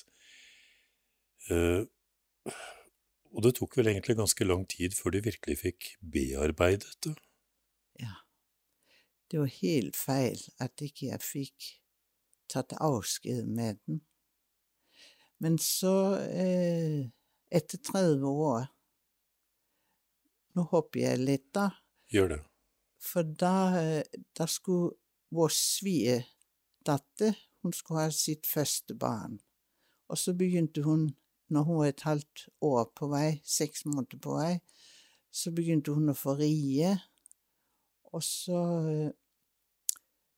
måtte hun jo ligge hjemme, da. Og da kom det liksom opp i meg igjen, å, bare hun ikke skal oppleve det samme som jeg hadde opplevd. Men da jeg har en søster der bor i Danmark, og hun skulle bli noe familieterapeut, så hun gikk på et eh, på Kemnen-instituttet i København, hvor det var en psykiater, det het Mogens Lund, som hadde det opplegget der. Så ble jeg invitert ned til henne, og jeg tok fly ned og var med henne inn på Kemnen-instituttet. Og da skulle jeg sitte eh, Da hadde jeg mistet synet i mellomtiden, da. Og så skulle jeg sitte i midten, og så det var en 18-20 elever der som satt rundt meg, og så var det en av elevene der skulle ha meg i terapi. Og så begynte jeg å fortelle om det at jeg hadde mistet barnet mitt, og ikke fikk jeg se det, ikke vet jeg hvor det begravet eller noe. Det syntes han Mons Lund var så grusomt, så han sa jeg har lyst til å overta. Og så syns jeg vi skal fortelle Margrethe, som ikke ser, at det ikke er et tørt øye rundt her. Og så begynte han, så sier han, du Margrethe, du har jo mistet barnet ditt. Men du må jo ta imot det før du kan gi det fra deg, så nå vil jeg du skal sitte med det i armene dine. Og det er rart hvordan man kan bli revet med, liksom. Så jeg følte jeg satt med, med Simen, som vi kalte mannen min. Og så sier han eh, Ja, nå sitter du med barnet ditt. Hva vil du si til ham? Nei, det syns jeg ble litt for kunstig. Ja, men eh, har du noe navn å gi ham? Ja, vi kalte mannen min for Simen. Ja, men det syns han var et fint navn. Eh, hvem tror du han ligner på? Ja, jeg forestiller meg at, at han ligner på mannen min. Det var jo en gutt. Ja, men da sier vi han ligner på mannen din. Men Margrethe, han er jo død, og da må du gi ham fra deg igjen. Hvor vil du begrave ham? Ja, da var akkurat svigerforeldrene mine døde begge to. Kanskje i graven til dem. Nei, det syns jeg ikke var noen god idé, sier han. Er hjemme ved huset Vi hadde bygd huset på fjell, så jeg ble liksom så, gra så revet med at jeg tenkte jeg kunne ikke grave i fjellet. Så sier jeg ja, nede ved epletreet i haven. Ja, det syns han var en god idé. Når du kommer hjem, tror du du får noen med deg og liksom grave han der? Nei, det syns jeg Nei, jeg har vært alene om så mye før, så jeg greier nok det alene. Og så, når jeg kom hjem, så gikk jeg med førhunden min to kilometer til eh, et gartneri, og der kjøpte jeg to røde roser. Og så gikk jeg hjem, og så satte jeg den ene rosen ved epletreet. Og så sa jeg, Simen, nå ligger du her. Men jeg hadde jo en rose til. Og da gikk jeg til min svigerdatter som bor nabo til oss her, og så fortalte jeg alt sammen hva jeg har gjort i Danmark, og at jeg nå hadde lagt Simen like på epletreet. Og her har du en rosebjørkelse som skal være til det barnet som du bærer på, og jeg håper det må gå bra. Og det gikk bra. Hun fikk en fin jente. Og etter hun har født henne, så kom hun ned her, og så sier hun, bestemor, vi lurte på om vi ikke får lov å kalle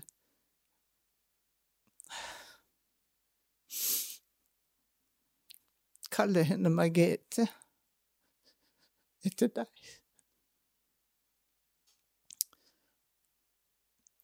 Og så lurte vi på om du ville bære henne til dåpen.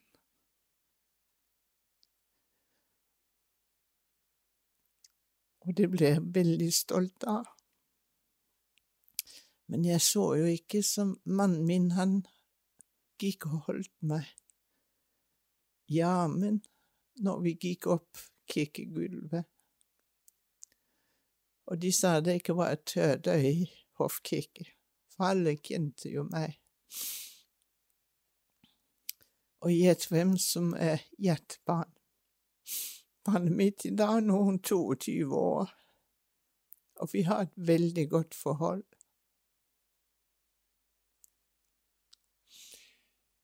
Epletreet, står det der ennå? Ja.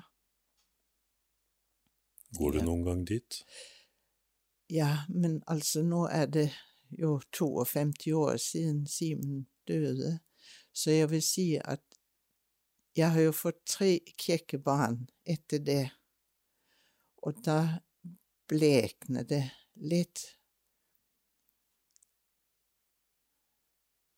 Så det er ikke sånn jeg går og tenker på det hver dag, men 2. oktober så sender jeg en tanke til Simen. Og den gangen så lurte jeg også fælt på, fordi han var dødfødt da, kommer Simen til himmelen? Ja, hva var svaret? Det tror jeg. Og jeg tror jeg skal få møte han igjen.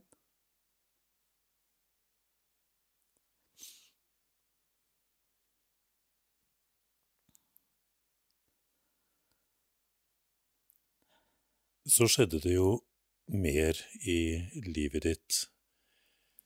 Ja, for Eh, de, Du mistet synet. Ja, altså, jeg fikk jo De, skulle, de undersøkte meg for hva årsaken kunne være at Simen var død.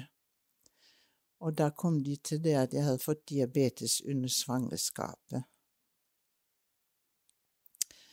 Og i 72 så måtte jeg begynne med sprøyte. Da hadde jeg fått to friske barn, da. Med keisersnitt. Og så i 72 så sa legen at nå må du begynne med sprøyte, og det hadde jeg ikke noe lyst til. Så sa han ja, men jeg må si det så sterkt at det gjelder faktisk livet ditt, og nå har du to små å ha omsorg for, så det må du bare. Og siden 72 har jeg brukt insulin. Eh, diabetes det er en alvorlig sykdom, og i førstningen så var det sånn at eh, jeg, må, jeg var hos legen hver tredje måned og målte blodsukker. Og da var det sånn før jeg skulle til legen, og nå må jeg være forsiktig så jeg, og ikke spise for mye sånn at blodsukkeret stiger. Og den gang skjønte jeg ikke at det var meg selv jeg lurte, det var ikke legen. I dag så har vi jo sånn at vi ikke måler blodsukkeret mange ganger om dagen, og det er jo et helt annet liv enn det var for 50 år siden. Da måtte jeg veie brød og Men hvor lang tid tok det før uh, diabetesen begynte å gå utover synet? Det gikk 25 år. Og hva skjedde da, etter hvert som synet begynte å svikte? Ja, da måtte jeg inn på Rikshospitalet. og han legen der, han, han sa at han, han var nødt til å operere øynene mine. Og at det var ikke noe farlig med det.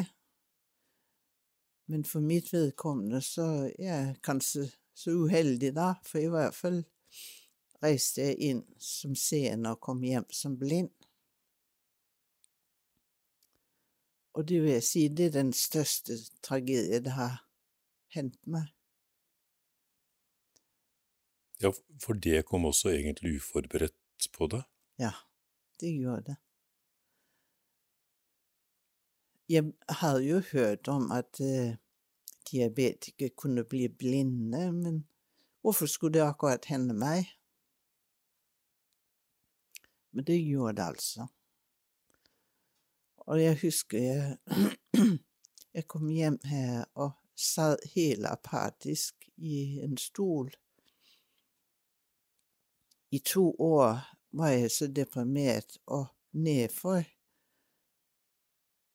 At de, de andre Mannen min han visste ikke si armer over hva han skulle gjøre, men så kalte han inn alle tre barn, for de var blitt voksne da. Kalte han dem hjem til ettermiddagskaffe, og jeg ser dem for meg, de satt i sofaen, og så hun yngste, hun sier, hva, hva er dette, skal dere skilles? Og mannen min, han er sånn godslig bamse, så han tok det rolig, han gikk og skjenket kaffe, og så sier han nei, vi skal ikke skilles, men mamma er så deprimert og lei seg, og nå vil jeg at hun skulle fortelle hva, hva det er hun går og er lei seg for. Og blant annet så, eh, før jeg mistet synet, så kom de her tenåringene de kom ofte på lørdagskveld hjem her. Det kunne være opptil ja, mellom 10 og 20 ungdommer som kom og, og satt rundt i begge stuene og kjøkkenet, og de tømte kjøleskapet for mat. Og, og jeg elsket ungdommen og syntes det var så deilig å ha dem her. Men plutselig, når jeg mistet synet, så kom det ingen, og ikke mine egne barn engang. Og da husker jeg sønnen min, han var 21 år da. Så sa han, mamma, jeg kan være enig i at jeg kommer sjelden hjem, men vet du, jeg orker ikke å komme hjem og se deg så stakkarslig. Og det åpnet mine øyne da, fikk, da så jeg liksom hvor, hvor elendig jeg var. Stakkarslig. Og dagen etter så ringte jeg til Huseby blindeskolen og spurte om de hadde et opplegg for sånne som meg. Og da kom jeg et halvt år inn på Huseby, og der lærte jeg litt data. Og jeg lærte hverdagens gjøremål, hvordan ja, man fungerer på kjøkkenet. Og, og jeg møtte jo andre som hadde det på samme måte som meg. Så det var veldig fint. Og så var jeg på Hurdalssenter, og der har jeg gått på mange kurs. Og senere så har jeg kommet i kontakt med Kapp, og det sier jeg er mitt andre hjem.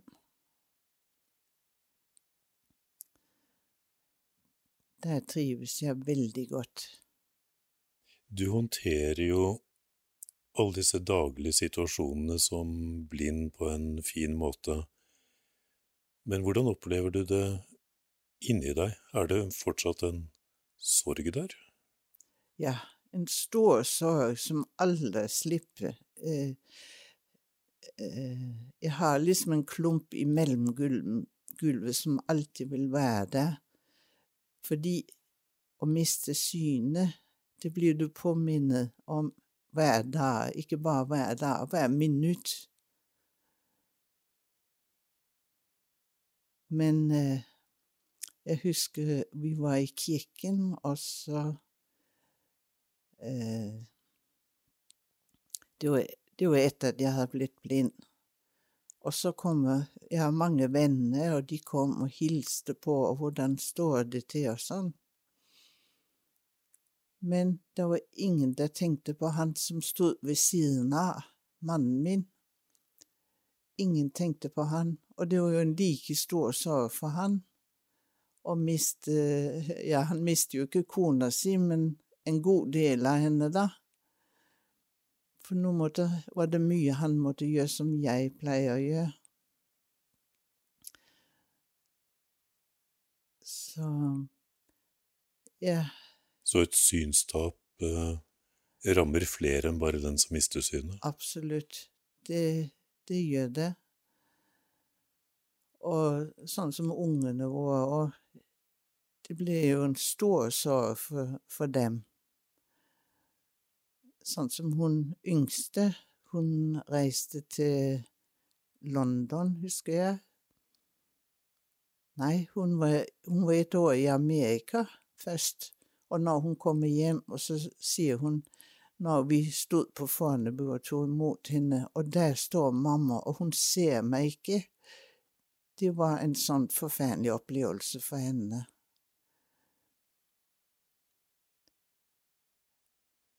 Er dette en uh, sorg du har lært deg å leve med?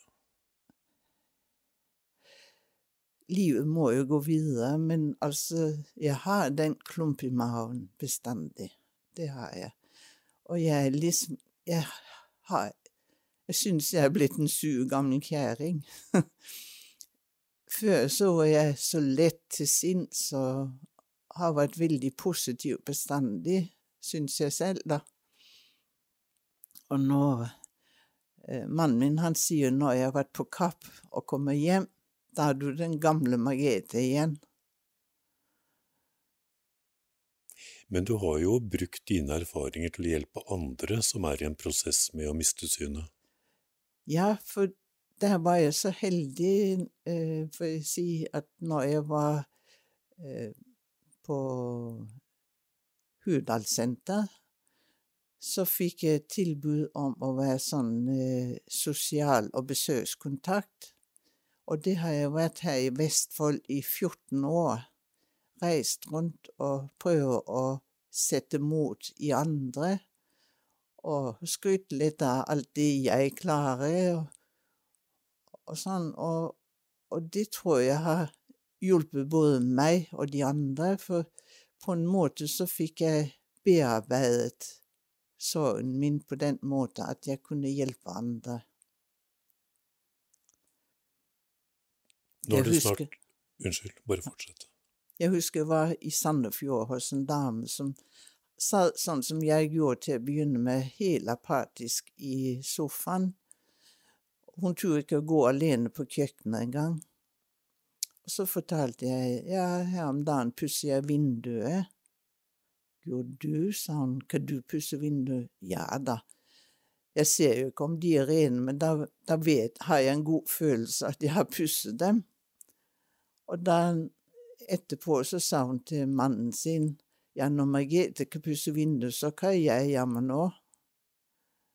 Så det, det var jo som et forbilde, da. Du er snart 80 år. Når du ser tilbake på livet ditt nå, vil du si at det var en mening med dette? Kanskje på en måte. Altså, jeg tror Gud, han Når han lukker en dør, så åpner han en annen dør.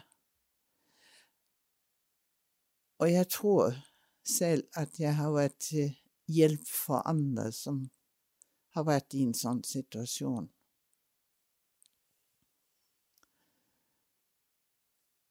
Men tror du at det finnes en gud som har planlagt at dette skulle skje med deg? Nei, nei, det tror jeg ikke. Jeg tror ikke det at det sitter en gud og planlegger at hun skal ha så mange så mye, men jeg tror at han så at jeg var så sterk at jeg ville tåle det, kanskje.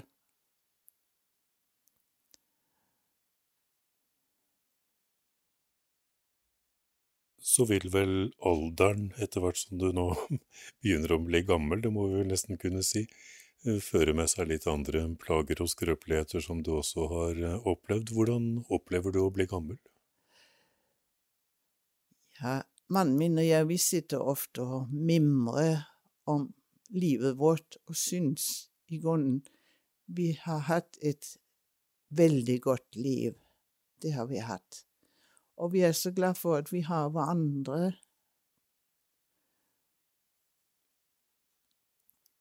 Og vi har tre kjekke barn, syv kjekke barnebarn, som uh, har skikket seg bra hele veien. Så hva mer kan man ønske seg? Planlegger du for framtiden? Nei, jeg tar én dag av gangen. Så får det bli som Gud vil. Det sa bestemoren min bestandig, om Gud vil.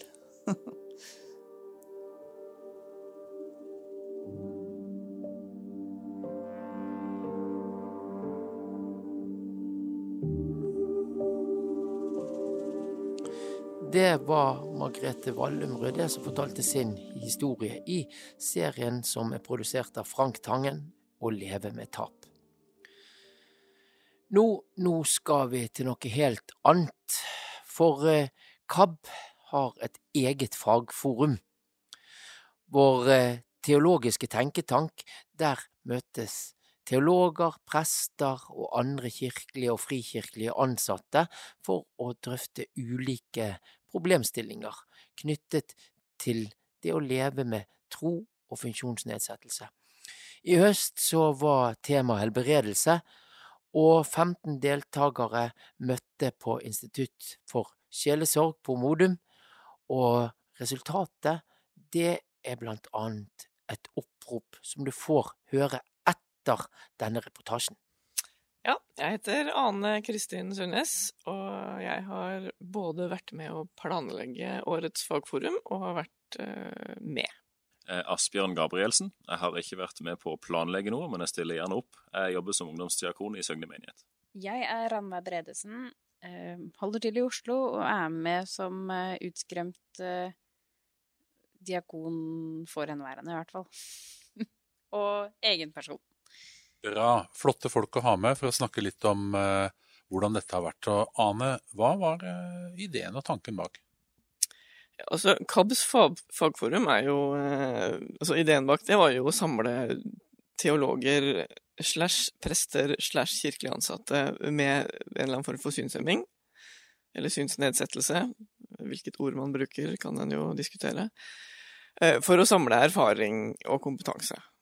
Og så har vi vært samla noen ganger, og denne gangen her var temaet eh, helbredelses eh, Både teologi og praksis. Altså, vi skulle snakke om det. Og bakgrunnen for det er jo at eh, ganske mange, flere enn jeg var klar over i hvert fall, har litt ugreie erfaringer med ulike former for helbredelsespraksis. Så KAB tenkte at det er jo nødvendig å liksom snakke om de her tingene for å finne ut eh, litt om hvordan skal vi forstå helbredelse, hvordan skal vi bruke det ordet, hvilke erfaringer fins der ute, og hvordan skal vi forholde oss til dette fenomenet, da, som for mange av oss er trøblete på mange ulike vis. Nå har jo dere to vært deltakere, og hvordan, hva tenker dere, er det en god idé, Asbjørn, å ha et sånt tema? Jeg tror det er veldig bra. Jeg har sjøl jobba og, og, erfart mye rart på, med tanke på dette temaet. Og jeg kan jo bekrefte at det finnes veldig mange historier som, som er ganske urovekkende i forhold til helbredelsespraksis rundt omkring. Og for meg i hvert fall så har det vært veldig fruktbart å være blant likesinnede som har veldig mange av de samme utfordringene som meg, og ta opp disse temaene og snakke godt og dypt om disse temaene. Og så har vi hatt inne mange dyktige folk til å til å lufte mye for oss. Og så har vi på en måte kunnet hatt anledning til å snakke om de etterpå i, i plenum. Og det, det syns jeg har vært veldig, veldig fint. Rana, er det behov for å snakke teologisk om dette emnet her, altså stikke dypt i dette? Ja, jeg tenker det er viktig, fordi det ene handler om helbredelsespraksis og forbønnspraksis. Eh, personlig har jeg ikke lyst til at forbønnspraksis skal bli forbudt, for jeg mener det er veldig fint at noen vil be for noen, men at det alltid skal være frivillig fra den som blir bedt for sitt, sitt ståsted. I hvert fall hvis det er ansikt-til-ansikt-formen. Men noe annet som jeg har opplevd her, er at jeg har begynt å få språk for det å leve med en funksjonshemning i, eh, i lys av det å være troende. Å ha en tro, og ha en funksjonshemning. Oppleve at det kan finnes en helhet i det. Jeg tenker eh, hverdag, hverdagen i det har blitt viktig for meg i løpet av denne konferansen. Det andre er også viktige temaer, men for meg så er det hverdagen som er grepet inn mest. Det har vært uh, ulike foredragsholdere. Inger Marie Lid, Rebekka Solevåg, Jan Olav Henriksen, og vi har hatt med oss Kari Halstensen, og ikke minst vår eminente Ane som står ved vår side. Hva har du, Ranveig, liksom trukket mest ut av dette, liksom, som du sånn umiddelbart tenker var litt sånn bra, eller, eller, ikke bra, eller gjorde noe med deg? Det har faktisk vært så mye informasjon at jeg synes det er veldig vanskelig å vite hva som kommer ut av dette her. Dette er en kjempeprosess. Um, jeg opplevde vel så mye samtalene utenom foredragene som viktig, for min del. Det at vi fikk snakka sammen, men at foredragene danna en god, god ramme som vi da kunne snakke videre ut fra.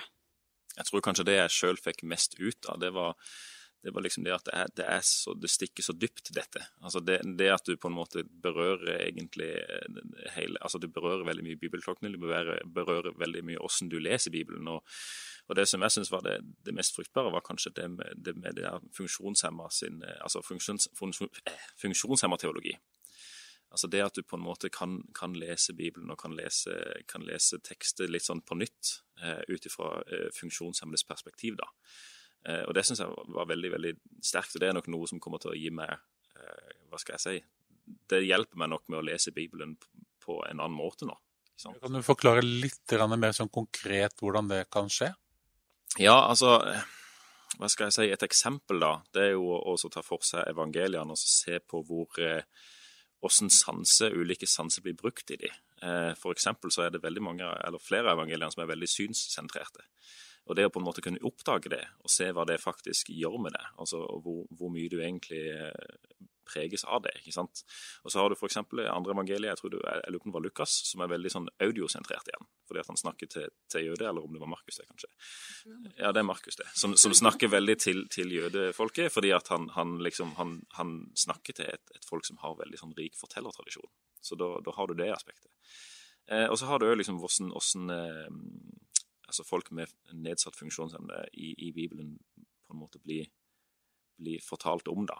Eh, og noe av det var veldig spennende, for der var det jo litt sånn debatt om det. altså at det var eh, Noen mente at de var veldig passive i, i, i bibelteksten. At de var nesten objektet, sånn at på en måte Jesus kunne demonstrere sine ting, eh, eller sine, sine poeng, liksom, basert på, på de. Mens andre igjen hadde mer sånn, ja, kan du si, litt sånn objections i forhold til det, og mente at de var mer aktive enn det de kanskje synes å være. Så det var jo veldig sånn spennende å se. Det var veldig rikt å se på, på de perspektivene, da, syns jeg. Hva tar du med deg hjem fra konferansens program og foredrag, Ranveig? Jeg tar med meg hjem at jeg har begynt å få et uh, språk for det å leve med en funksjonshemning, uh, i lys av det å ha en tro som ikke er knytta til helbredelse, ikke-helbredelse, funksjonsfrisk kontra funksjonssyk, eller funksjons... Kontra funksjonshemmet. Eh, jeg syns det også var veldig spennende perspektiv som Jan Olav Henriksen tok opp i går, nemlig om at helbredelse handler jo ikke om helt syk eller helt frisk. Det kan vel så mye handle om, handle om en lindring, og det er lindringsbiten jeg ikke vil at vi skal fjerne, i, verken i en forbundssituasjon eller eller i annen praksis. Men eh, forventningen om det perfekte, eh, om den perfekt friske kroppen, det gjorde noe med meg å høre om det og tenke Å ja! Det, det, er jo helt selvsagt, sikkert, egentlig. Men for meg var det en sånn Åh, kan jeg få lov til å være meg? Kan jeg få lov til å være blind? Og det var også veldig spennende med tekstverkstedene å snakke Vi snakka litt om ulike bibeltekster eh, sammen. Og da oppdaga jeg kanskje paralleller hvor I et foredrag ble det snakka om de som ikke kunne berøres fordi de var urene. Jeg mener ikke at det er sånn, men det satte berøringssansen for meg i et viktig perspektiv. Så berøring ble plutselig mer viktig.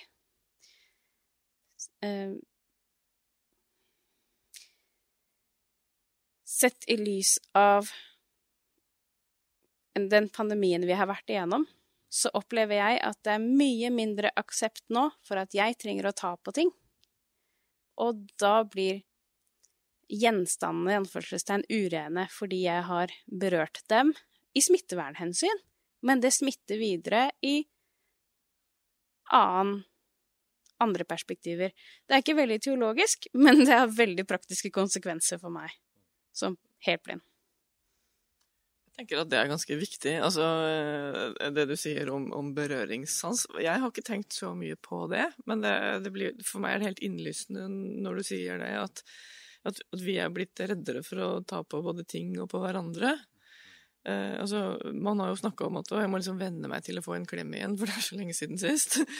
eh, det er det ganske mange som sier noe om, men det her med at, at en ikke får lov til å ta på ting når det er en veldig sånn essensiell del av orienteringsmuligheter og det å få informasjon fra verden. Altså, det blir jo ekstremt vanskelig. Og det forteller jo også meg da, at berøringssansen må vi sikkert snakke mer om. Altså, og det handler jo også om det å være blind og trenge den fordi man ikke ser med øynene sine. Men det handler jo også om veldig mye mer.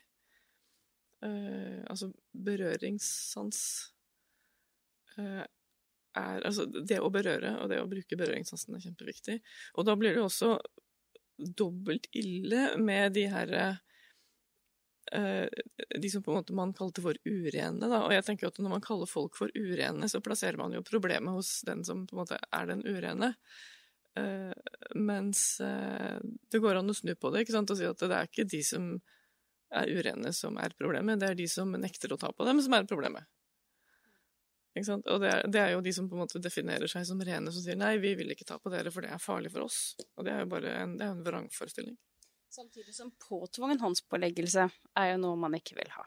Det er sant. Så det er begge deler her. Ja, for det var et perspektiv her med at eh, som du Ranveig nevner, så er det jo ønskelig at man ikke kaster ut barnet med badevannet. Altså det må være en praksis som er god. Eh, samtidig som det finnes praksis åpenbart, som også ble bekreftet fra forelesere, som åpenbart ikke er god, rett og slett. Tenker dere om det?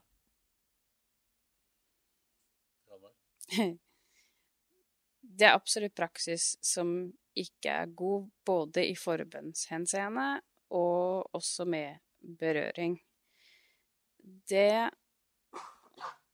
Det å snakke om forbønn som et overgrep når det tvinges på en person ansikt til ansikt, det tror jeg er viktig å snakke om.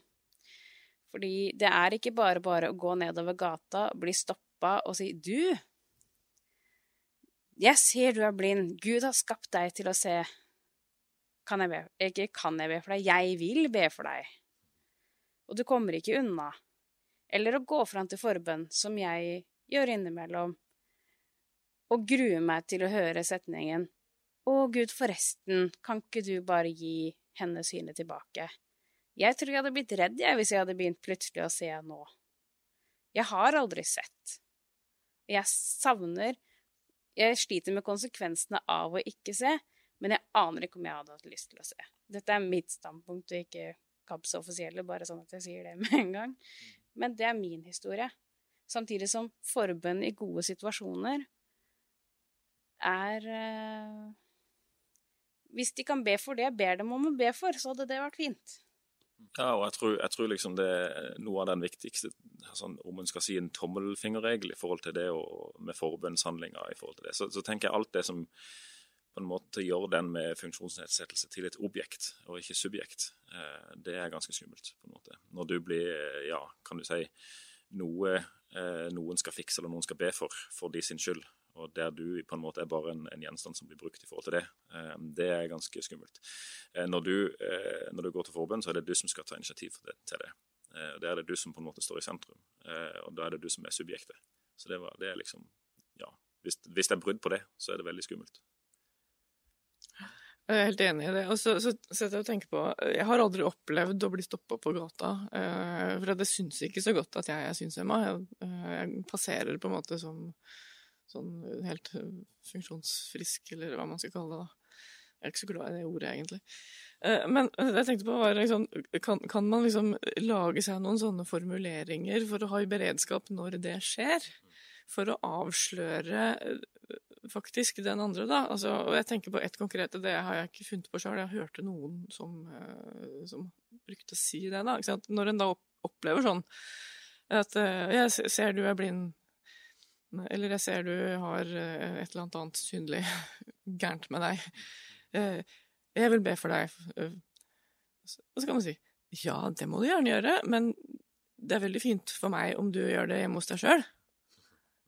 Og hvis de da sier OK, så er det greit, da kan de gå og gjøre det. Men hvis de da blir sure, så tenker jeg at da har man på en måte avslørt at det egentlig ikke handler om å være grei, men at det handler om å lage litt show og være en kul kristen. Så bare, altså det, det går an å tenke på på forhånd. Ikke sant? Å lage seg noen sånne formuleringer som en har i beredskap, sånn at en ikke blir helt sånn satt ut. For jeg tror jeg ville blitt skikkelig satt ut hvis noen hadde kommet og sagt det til meg. Det er jo utrolig frekt. Det er veldig lett å bare finne seg i den type handlinger fordi en ikke har de ordene eller setningene klare. Man kan ha de setningene klare så mye man bare vil, men det er ikke bare bare å bråstoppe en person og si 'du, ikke gjør det'. Eh, Vi er ulike mennesker, hele gjengen. Eh, Noen dager kan jeg stoppe folk, andre dager så orker jeg ikke, jeg har ikke energi. Og dermed tråkkes grensene over uten at jeg vil det selv. Men men også flyttes på en måte pendelen videre og videre, og da blir det kanskje vanskeligere og vanskeligere å si nei, dette vil jeg ikke.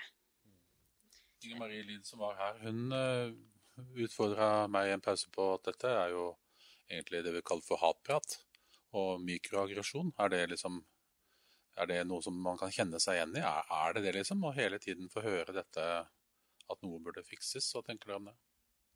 Eh, Jeg tenker at, eh, at jeg vil eh, lettere kunne kalle det mikroaggresjon enn hatprat. Hatprat er et litt stort ord for meg. Eh, Det kan hende at det, at det er det, altså. Eh, Og noen ville sikkert mene det. Men, men jeg er ganske opptatt av mikroaggresjon som fenomen, fordi at det er så ofte så mikro at en merker det ikke. Eh, altså, Ranveig sa jo noe for litt siden om eh, om at altså, når det skjer så mange ganger, så, så, så blir en litt sånn, nesten litt sånn immun, eller en, en slutter å reagere på det. Eh, ikke sant? Men, men allikevel så er det utmattende. Og, og det tenker jeg er det som eh, Det er sånn som jeg forstår mikroaggresjon, da, eller eh, og eller minoritetsstress, så er det det det gjør, da. At man blir veldig sliten av det, selv om man ikke merker det sjøl. Fordi det hele tiden er sånne, sånne ørsmå stikk. Og så- er det liksom, eh, i hvert fall altså Vi snakker jo nå om kanskje ting som skjer på gata, og at folk stopper deg der, men det skjer jo òg veldig mye i, i de menighetene du eventuelt besøker, eller de menighetene du tilhører. Og at du, ja, du blir konfrontert Altså, ofte så har jeg vel erfart at i, i de fleste menigheter så blir du til slutt konfrontert på en eller annen måte med, med synet ditt, eller med, med den, med den ja, utfordringa du har, da. Eh, så, s om det liksom er på eh, godt eller vondt vis, det varierer litt, da. Eh, men ofte så blir det et sånt spørsmål om skal jeg be for det, eller vi vil be for det, som Ranveig sier. ikke sant? Og da er det litt komplisert, for det er, ikke, det er ikke så lett å si nei til sine venner. Altså si nei til det som egentlig skal være familien din. Eh, og det er det som er vanskelig med det. ikke sant? Det er det som er veldig iffy med det. Eh, det, er én ting å bli konfrontert på gata, men det er en annen ting å bli på en måte konfrontert av dine venner på dette. Eh, og det er vanskelig begge deler. Det har hver sine utfordringer. Dette er jo starten på et stort arbeid hvor eh, kanskje mange bør skjerpe seg, og hvor eh, mye må justeres og ja, tilrettelegges og lages god ramme på. Hva tenker dere er det smarte eller lure KAB kan gjøre på dette området nå framover? For det første så snakkes det om, og det er vel på trappene, å lage et dokument hvor vi faktisk sier noen ting om hva KAB som organisasjon mener.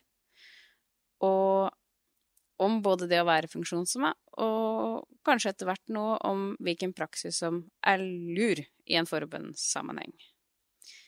Eh, det heier jeg veldig, veldig på. Det tror jeg er lurt. Eh, ellers så tenker jeg at eh, KAB er en arena hvor det er mulig for Hvor det bør være stor takhøyde for medlemmer å kunne komme med sine historier og sine erfaringer. Og jeg håper veldig at dette kan bunne ut både i erfaringsutveksling og eh, arbeid innom mot ulike kirkesamfunn, i å skape en forståelse av hvordan det, hvordan det er å leve med en funksjonshemning i kirka, i samfunnet, men også hvordan det er å stadig bli møtt med det at en er ikke god nok fordi kroppen ikke er frisk.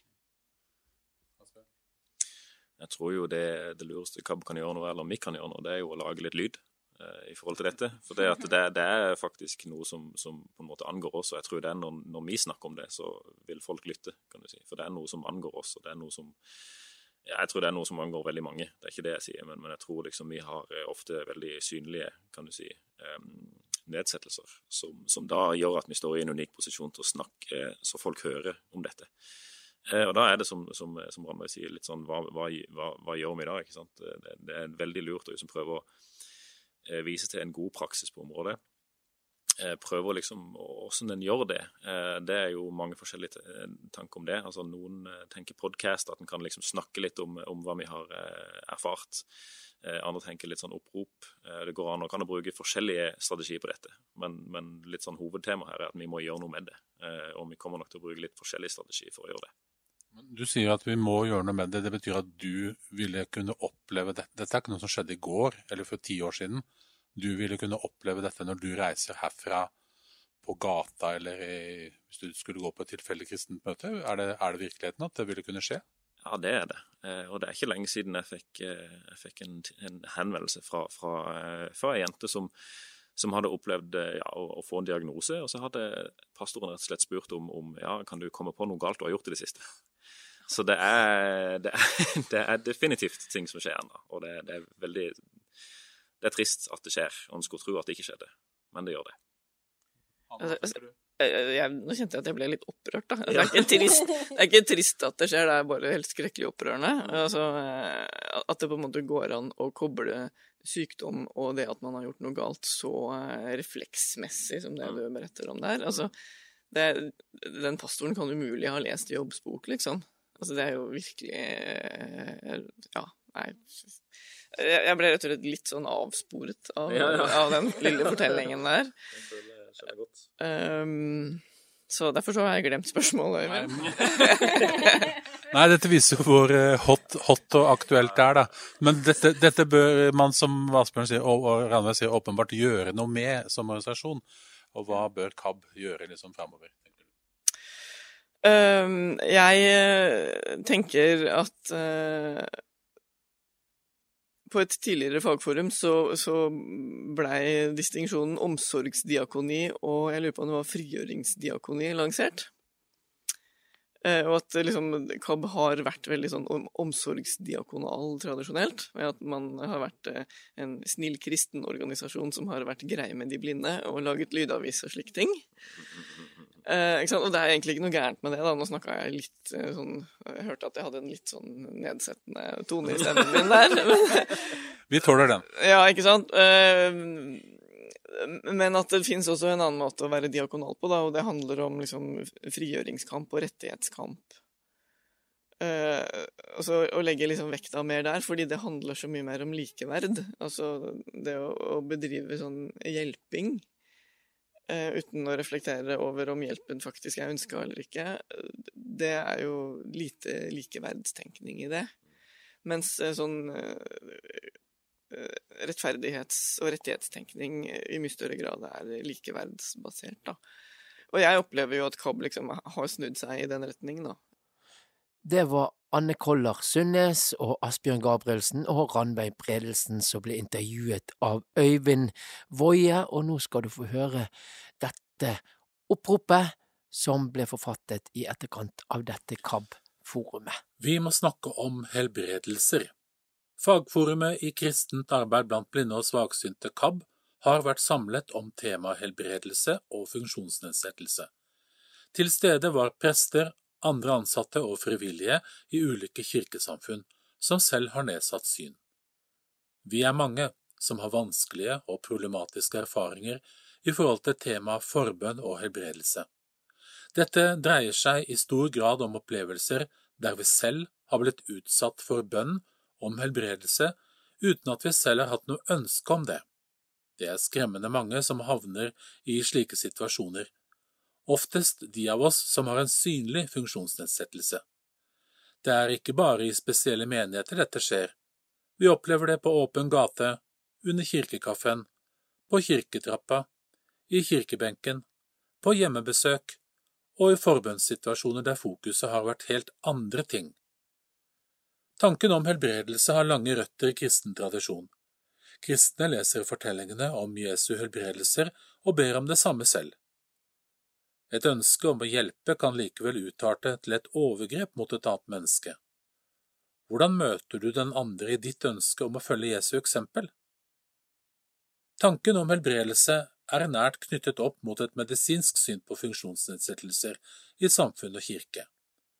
Funksjonsnedsettelsen er et problem som skal diagnostiseres, behandles og helbredes.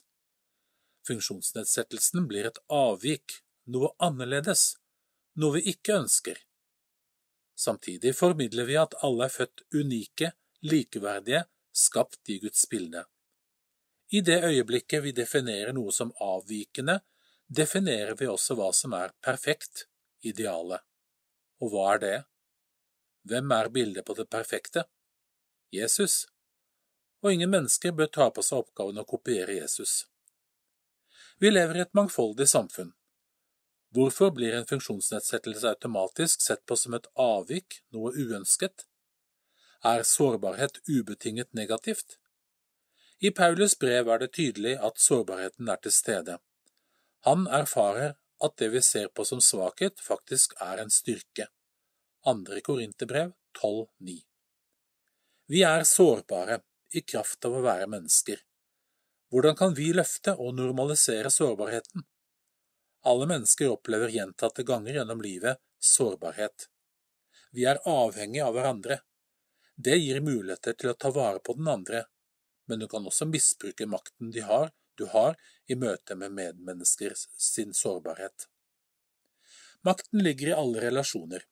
I mitt møte med den andre må jeg være bevisst på min egen makt og hvilken makt den andre har. Hvordan kan du bruke makten du har, på en god måte? Hjelperen skal hjelpe den lidende, men hvordan vet du at den blinde mannen du møter på trikken er lidende? Du tar det for gitt fordi din egen livsverdens tilsier at han har problemer, er marginalisert og utstøtt, og derfor trenger din forbønn, din omsorg og hjelp. Din oppfatning av den andres livsverden er sjelden riktig. Kanskje er den blinde mannen tilfreds, på vei til et jobbmøte eller for å hente barna i barnehagen. Sjelesorg og forbønn kan gi flotte møter, gode samtaler og rom til å hvile i, men den kan også bidra til skam og skyldfølelse.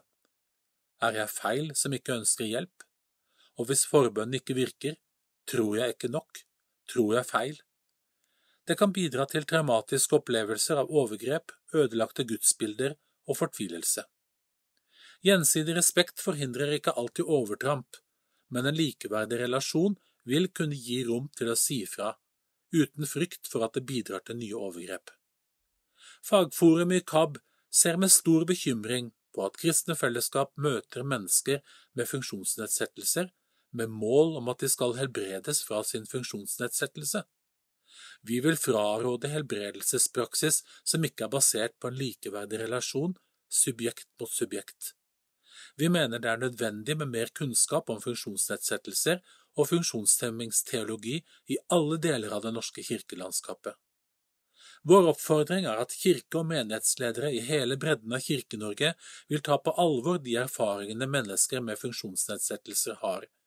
Vi behøver å snakke om avklare og speile hva den enkelte kirke er med å formidle til mennesker med nedsatt funksjonsevne, både gjennom forkynnelse og praksis, og vi vil gjerne delta i denne dialogen. Det var oppropet, det, fra eh, KAB Forum. Et resultat av det. Du, eh, nå er Øyvind Woie virkelig siget her, så det at eh, nå skal han få lov å fortelle hva som skjer av møter og spennende ting i KAB framover. Heldigvis så skjer det av og til, og ganske ofte, noe i KAB. Vi skal fortelle deg om eh, vår nye serie med nettsamlinger, som startet den 28. september. Dette er det Kari Halstensen, som er religionspsykolog, som eh, jobber ved Modum Bad, som står bak sammen med KAB. Og temaet er gudsbilde og selvbilde. Fire samlinger for tvilende og troende. Det er 28. september, 12. oktober, 19. oktober, 2. november. Alle kveldene så starter dette klokka 19 og holder på til ca. klokka 8. Noen av temaene på forelesningene er hva er et gudsbilde, hvorfor, hvorfor dannes gudsbilder, eh, hvordan tenker vi om eh, Gud i tankene våre, eh, vi ser litt på gudsbildene og de store spørsmålene, og sammenhengen mellom gudsbilder og eksistensielle vilkår. Du kan være med på dette gjennom eh, Zoom. Eh, det vil si at du får tilsendt deg lenke, eller at du ringer et spesielt telefonnummer og taster en kode. Hvis du ikke har fått med deg en samling, eller har lyst til å lytte til en sånn eh, forelesning eh, uten at du er på Zoom, så kan du ta kontakt med oss, så skal vi sende deg dette, fordi det er spilt inn på forhånd en god del av denne forelesningsserien. Så altså, du kan prøve deg i hvert fall den 12. oktober, 19. oktober eller 2. november. Ta kontakt med KAB hvis du trenger lenker eller mer informasjon. Så ser vi veldig fram til at vi skal gjøre en synstolket kirkevandring i Kristiansand. Vi hadde jo nylig det i Oslo domkirke, og nå er det Vest-Agder Forening av KAB som slår til og inviterer til synstolket kirkevandring 27. oktober. Det her er en vandring i to kirker, eller kanskje faktisk tre. Vi skal innom den katolske kirken, og vi skal innom Kristiansands domkirke, og vi havner til slutt i Lund kirke, der det også blir et godt måltid og tid til å dele det vi har opplevd. Dette er 27. oktober og starter klokka tolv, og har du lyst til å være med, så må du melde deg på til Inger Anne Ilebekk på telefon 901 14 513. 901 14 513, eller på e-post inger.anne.ilebekk at icloud.com. I-n-g-e-r.a-n-n-n-e punktum i-l-e-b-e-k-k alfakrøll i-c-l-o-u-d punktum c-o-m. Hjertelig velkommen er du. Og Vest-Agder Forening av KAB de skal ha møte i foreningen sin. Da er alle hjertelig velkommen som har lyst til å komme, fra hele Sørlandet og hele Norge hvis dere vil. Det er den 24. i 11., og det er møte i KAB sine lokaler i Lund menighet klokken 18.30 med inngang personalbygningen. Det er Gunhild Slettedal, som selv er synshemmet og bruker førerhund, og er medlem av vår lokalforening, som skal holde andakt, og det blir sosialt treff med måltid etter andakten. Vi ønsker påmelding til dette møtet også innen mandag 21.11. Hilsen Inger Anne Ilebekk, telefon 901141513, eller e-post inger, i-n-g-e-r, punktum, anne, a-n-n-e, punktum, Ilebekk, I-L-E-B-E-K-K, alfakrøll, icloud.com, icloud.com. Og så har det vært første møte i KAB sitt nye landsstyre. De var samlet her i Indre Østfold på noe som heter Brennemoen hotell, og hadde spennende møte der de ble kjent med hverandre og fikk tid til å lære mer om den organisasjonen som de skal styre og lede. Vi hadde en ganske omfattende gjennomgang av statusen for KAB per nå, og så så vi ganske godt inn i glasskula vår, og den er prega av en strategiplan som sier at vi skal jobbe mer ute blant folkene som er medlemmer i KAB. Så det var mye tid til å snakke om dette og forberede budsjettarbeidet som skal gjøres utover høsten. Ønsker du tilsendt protokoller eller eh, informasjon fra landsstyret, så kan du få det ved å ta kontakt med KAB. Eh, ring oss på 69 81 69 81, eller send en e-post til kab, kabb, kabb.no.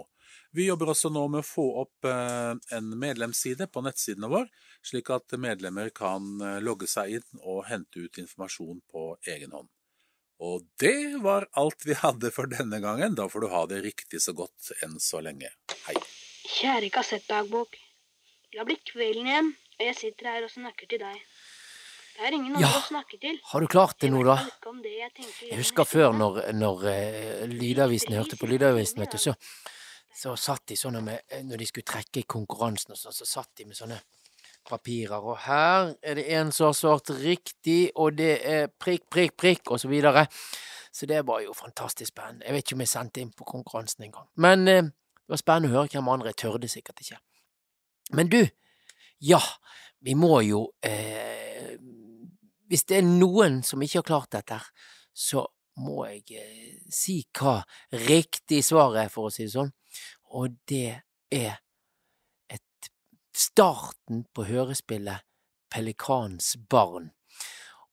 Og hadde ikke det vært gøy å mimre litt med sånne ting, så nå, kjære lytter, nå, som de sier på radioen, nå skal du, etter vi har hatt eh, tanker om tro, så skal du få første del av Pelikans barn, så du kan nyte og se litt sånn, og assosiere og, og eh, plutselig komme tilbake til når du var liten og kanskje lå i sengen med kassettspilleren og hørte på dette her. Så Pelikans barn, altså.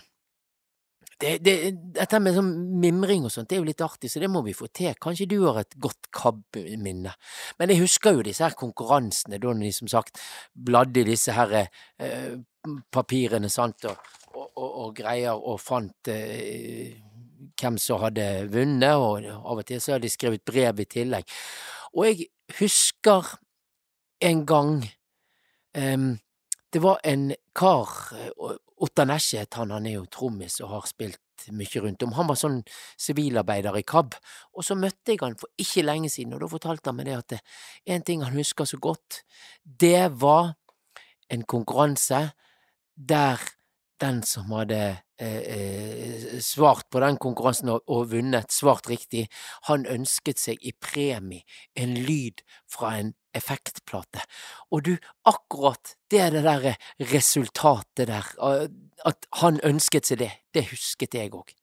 Så send mail til, til altså kabalfakrøll.kab.no, eller ring 6981 6981 hvis du har et KAB-minne du vil dele, så kan vi ta oss og kontakte deg og gjøre dette her i opptak og få litt sånn artige minner fra tiden som liten, men interessert KAB-medlem, for å si det sånn.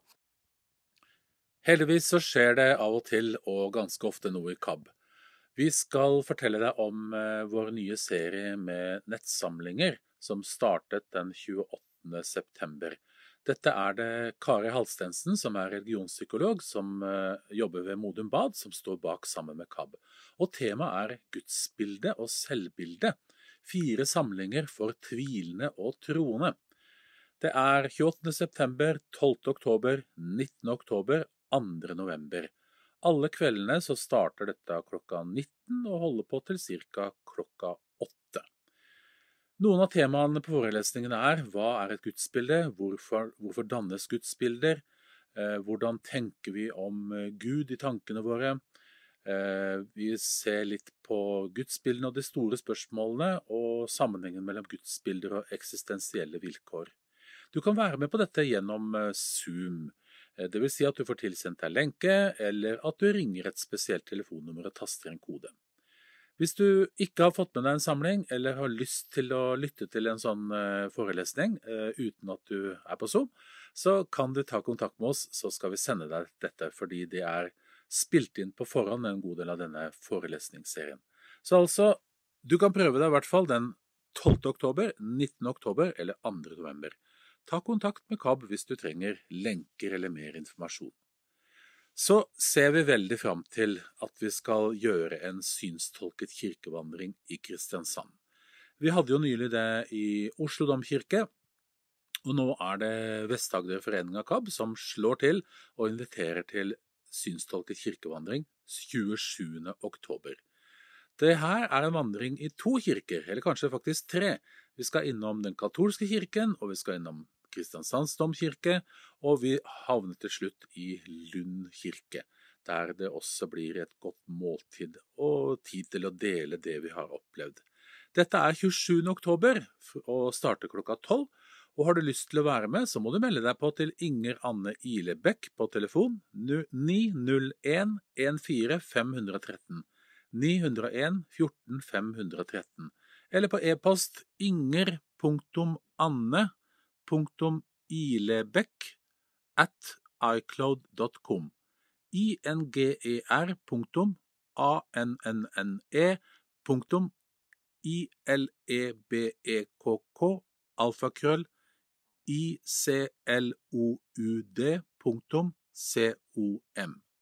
Hjertelig velkommen er du. Og Vest-Agder Forening av KAB de skal ha møte i foreningen sin. Da er alle hjertelig velkommen som har lyst til å komme, fra hele Sørlandet og hele Norge hvis dere vil. Det er den 24. i 11. Og det er møte i KAB sine lokaler i Lund menighet klokken 18.30 med inngang personalbygningen. Det er Gunhild Slettedal som selv er synshemmet og bruker førerhund, og er medlem av vår lokalforening som skal holde andakt, og det blir sosialt treff med måltid etter andakten. Vi ønsker påmelding til dette møtet også innen mandag 21.11. Hilsen Inger Anne Ilebekk, telefon 901 14513 eller e-post inger, i-n-g-e-r, punktum, anne, a-n-n-e, punktum, Ilebekk, I-L-E-B-E-K-K, alfakrøll, icloud.com, icloud.com. Og så har det vært første møte i KAB sitt nye landsstyre. De var samlet her i Indre Østfold på noe som heter Brennemoen hotell, og hadde spennende møte der de ble kjent med hverandre og fikk tid til å lære mer om den organisasjonen som de skal styre og lede. Vi hadde en ganske omfattende gjennomgang av statusen for KAB per nå, og så så vi ganske godt inn i glasskula vår, og den er prega av en strategiplan som sier at vi skal jobbe mer ute blant folkene som er medlemmer i KAB. Så det var mye tid til å snakke om dette og forberede budsjettarbeidet som skal gjøres utover høsten. Ønsker du tilsendt protokoller eller informasjon fra landsstyret, så kan du få det ved å ta kontakt med KAB. ring oss på 69 81 69 81, eller send en e-post til kab, kabbalfakrøll.kabb.no. kabb.no. Vi jobber også nå med å få opp en medlemsside på nettsidene våre, slik at medlemmer kan logge seg inn og hente ut informasjon på egen hånd. Og det var alt vi hadde for denne gangen. Da får du ha det riktig så godt enn så lenge. Hei. I dag, du, så er det Kristin Berg som har ansvaret for tanker om tro.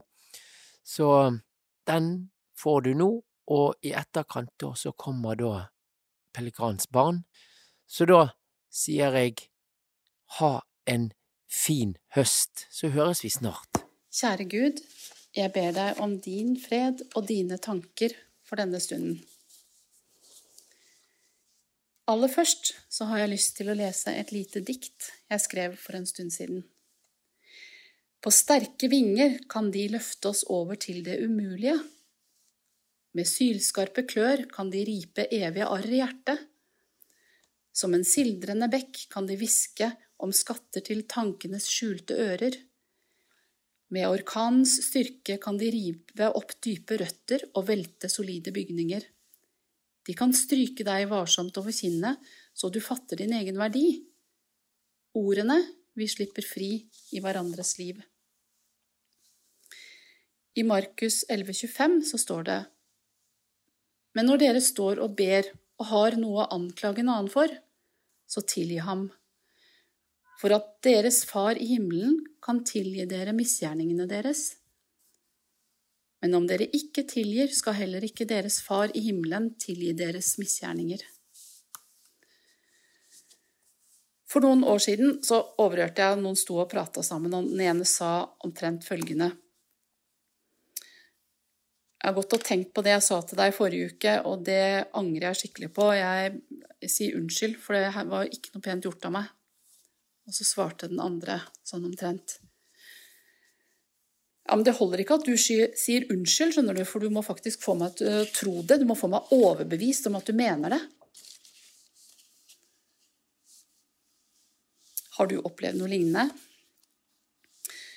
Ofte så må vi jo kanskje gå lenge, gå på en vei over tid, for å kjenne at vi har gjort noe galt.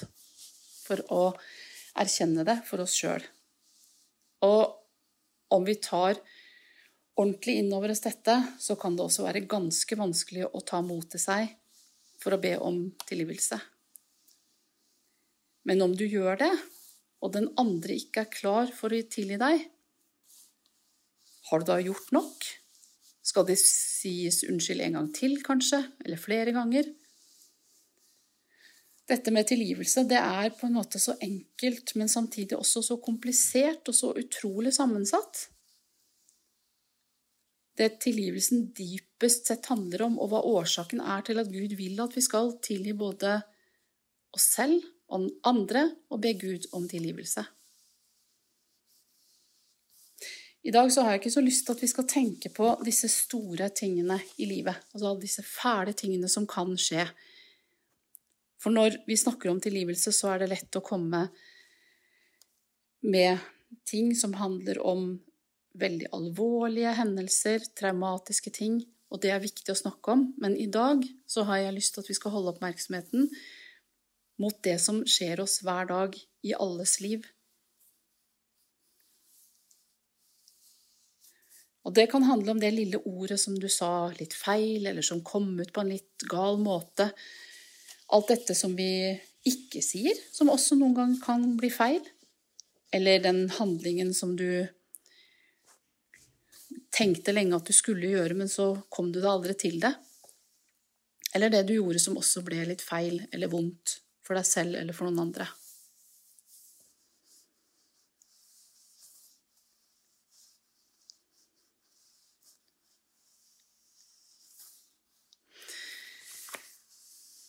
Og det som, som jeg tenker da, er jo at dette her skjer jo for oss alle hele tiden.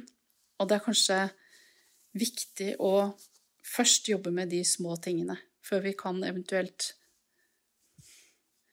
ta for oss det som er mer sånn dyptgripende. Jeg har lyst til å lese et bitte lite dikt til om dette ene lille ordet som kan få så stor betydning. Det ene ordet, så stødig og sterkt, som skraper og stikker og svir. Så stort og så hardt og gåtefullt svart, som gjør at det stadig forblir en hinne.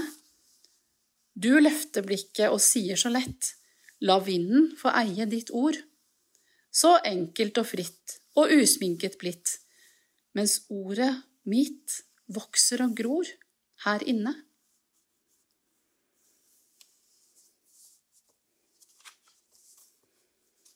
Det er én type formulering som jeg stadig hører, og som jeg håper og ber om at jeg ikke skal si til andre. Og det er nemlig dette her. Jeg beklager at du føler det sånn. Hva sier det her i grunnen? At du beklager at en annen person føler det han føler?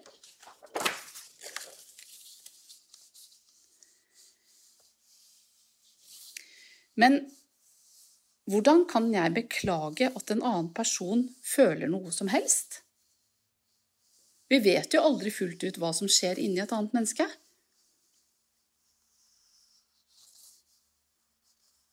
Kanskje dette er noe av det viktigste når vi ber om tilgivelse. At vi beklager, vi ber om tilgivelse for det vi faktisk kan ta ansvar for. Jeg kan jo selvfølgelig si unnskyld for at jeg sa noe på en bestemt måte, og så kan jeg si Hvis det såra deg, så beklager jeg at jeg sa det. Eller at jeg er lei meg for at jeg sa noe som kanskje ble vanskelig for den andre å takle. Dette kan jeg jo ta ansvar for.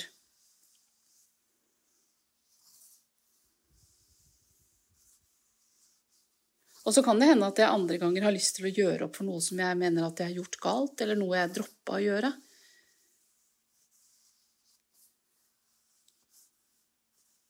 Og det kan jo også falle innenfor mitt ansvarsområde. Når du har gjort noe du angrer på, og som du ønsker å si unnskyld for, så kan det jo hende at personen møter deg, ikke klarer å ta det imot, sånn som jeg nevnte i stad. Og det kan oppleves ganske vondt og avvisende, kanskje. Det kan hende at den som ber om unnskyldning, har forberedt seg over lang tid og tenkt på noe gang på gang, noe som har plaga deg skikkelig, men så klarer ikke den andre å ta imot.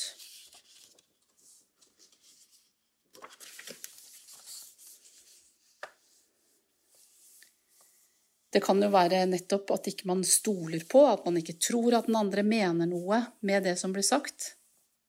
At det ikke er en tillit på plass som gjør det her mulig. Og jeg tror at bibelverset som jeg leste innlednings innledningsvis, handler nettopp om dette. Gud kan tilgi i kraft av den han er. Vi kan velge å be om tilgivelse, men kan ikke velge at andre er i stand til å ta imot det vi ønsker. Men Gud vil at vi både skal tilgi, og at vi skal ta imot andres tilgivelse. Og det er ikke for sin egen del, for Guds del, men fordi tilgivelsen har en egen kraft, både for den som gir, og den som tar imot tilgivelse. Og nåden som Gud, gir oss, den er jo både ubegripelig og helt fantastisk. Um, og nå tenker jeg også fremdeles på disse hverdagslige tingene som møter oss. Dette ordet, denne lille handlingen, alt det som skjer igjen og igjen. Ikke de store, traumatiske og vonde, fæle tingene. Jeg har også opplevd å be om tilgivelse og bli møtt, møtt på det på en god måte. Og det føles usigelig godt. Det handler jo blant annet om raushet, tenker jeg. Det er akkurat som det blir enklere å gå videre og rette ryggen, puste friere.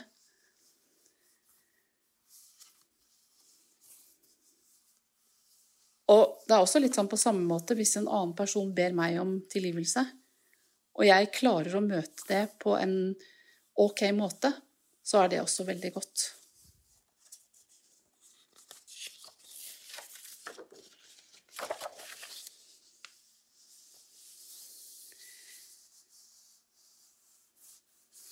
Jeg jobber i psykiatrien, og for en stund siden så var det en ungdom som sa til meg følgende Jeg lurer på når de andre rundt meg egentlig skal forstå at jeg har forandra meg, og at jeg ønsker å fortsette med det. Det er en frase som sitter litt i meg ennå, for vi gjør det ofte ganske vanskelig for hverandre. At vi holder fast. At vi binder strammere knuter fordi det er så vanskelig å både ta imot og gi tilgivelse.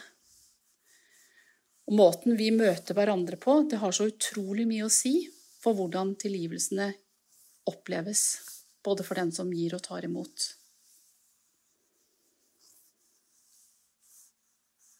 Det er jo på mange måter en viljesak, både å be om og ta imot velsignelse. Jeg syns det er litt interessant at uh, psykologien har begynt å interessere seg veldig mye mer for tilgivelse de siste tiårene. Og hvis noen av dere har lyst til å gå inn på Store norske leksikon, så har Frode Svartdal skrevet en artikkel som oppsummerer på en veldig sånn kort og grei måte dette med tilgivelse som fenomen i psykologien.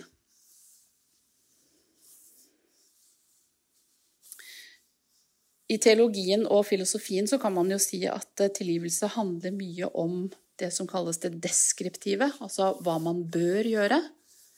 Mens i psykologien så har man vært mye mer opptatt av konsekvenser av tilgivelse. Konsekvenser for den enkelte av å tilgi.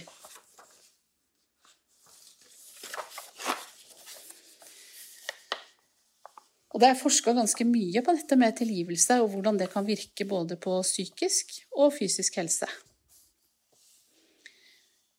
I psykologien så snakker man veldig sånn enkelt forklart om eh, to forskjellige viktige eh, prosesser som tilgivelsen handler om. Og det ene er å minske eller redusere negative tanker og følelser og handlinger. Det er liksom på den ene siden, og på den andre siden så handler det om det motsatte. Om å styrke de gode tankene, følelsene og atferden.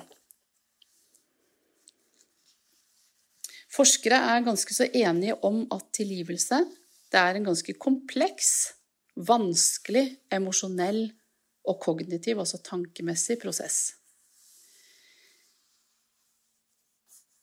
Og det er også et resultat av et frivillig valg. Det stemmer også veldig med det Bibelen forteller oss om tilgivelse. Det som er veldig spennende, er at forskning viser at tilgivelse har en veldig positiv effekt både på fysisk og psykiske lidelser. Dette gjelder både for lettere og mer alvorlige tilstander. Og det er også studert hvordan tilgivelsen kan gi biologiske effekter. Det er ganske spennende. Men Gud han har jo visst om dette her hele tiden. Det er en grunn til at han ønsker at vi skal tilgi hverandre. Det er for at vi skal få det bedre sammen. Så klarer vi ikke det alltid, og heldigvis så kan man også be om tilgivelse for det. Hanne Krogh har oversatt en keltisk, gammel bønn som jeg skal avslutte med. Må veien komme deg i møte? Må du alltid ha vind i ryggen? Må solen skinne varmt på ditt ansikt? Regnet falle mykt på dine enger. Til vi møtes igjen, må Gud bevare deg i sin håndflate. Jesus, jeg har noe å fortelle deg. Jeg veit at du veit alt, men hør på meg. Du, det som hendte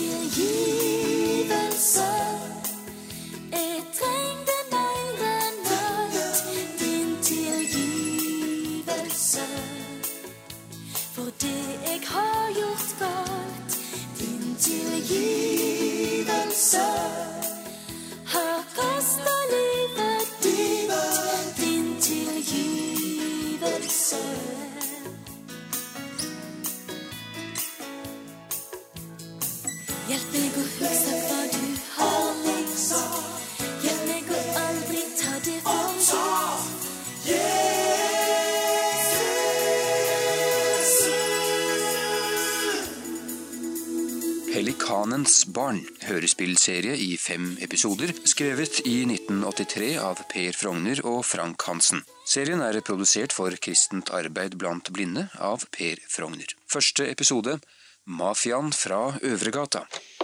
Kjære kassettdagbok. Det har kvelden igjen, og jeg sitter her og snakker til deg. Det er ingen andre å snakke til. I hvert fall ikke om det jeg tenker innerst inne. Vi fikk fri i siste time i dag. Stein har vært inne hos meg i mange timer og kjørt med bilbanen min. Han kommer igjen i morgen. Han blir aldri lei av den bilbanen. Stein er grei. Og dum. Han gjør alt jeg ber om. Han tør sikkert ikke annet, fordi jeg er blind. Det er greit for meg. Pappa har endelig lovt at jeg skal få stereoanlegg på rommet. Men jeg skal ha et som er bedre enn det vi har i stua, ellers vil jeg ikke ha det. En ganske bra dag, altså. Ganske. Men jeg kjeder meg. Det skjer ikke noe. Jeg må pønske ut noe. Jeg orker ikke at alle dager er like. Jeg må finne på noe nytt som Stein og jeg, og kanskje noen av de andre også kan gjøre. Noe spennende. Kanskje vi kunne lage en slags gjeng? Åh. Jeg får tenke mer på det i morgen. Nå skal du ned i skuffen og jeg i senga. God natt.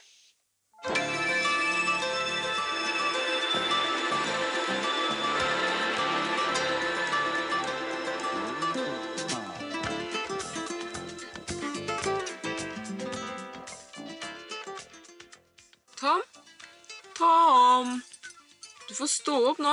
Frokosten er klar. Klokka er ti alt. Jeg har frokosten på senga. Orker ikke stå opp ennå. Kom, da. Det er jo lørdag og alt. Frokosten står på bordet. Du kan spise i pysjen. Far og jeg venter. Jeg vil ha maten på senga, sier jeg. Som du vil, da. Og for et mas. Akkurat som om jeg ikke gjør som jeg vil. Også på lørdag. Nei, nå ligger jeg i senga så lenge det passer meg.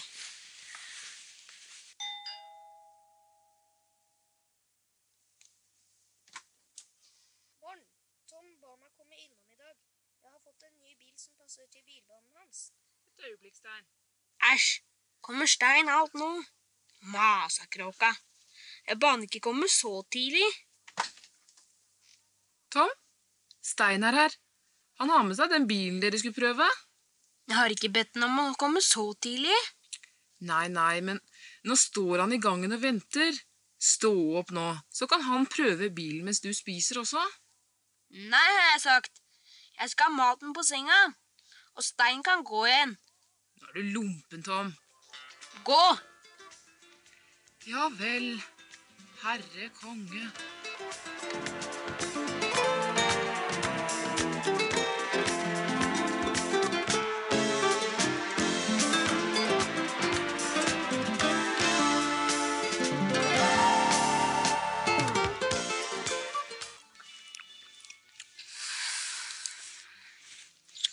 Ah, deilig frokost. Skulle hatt mat på senga hver dag.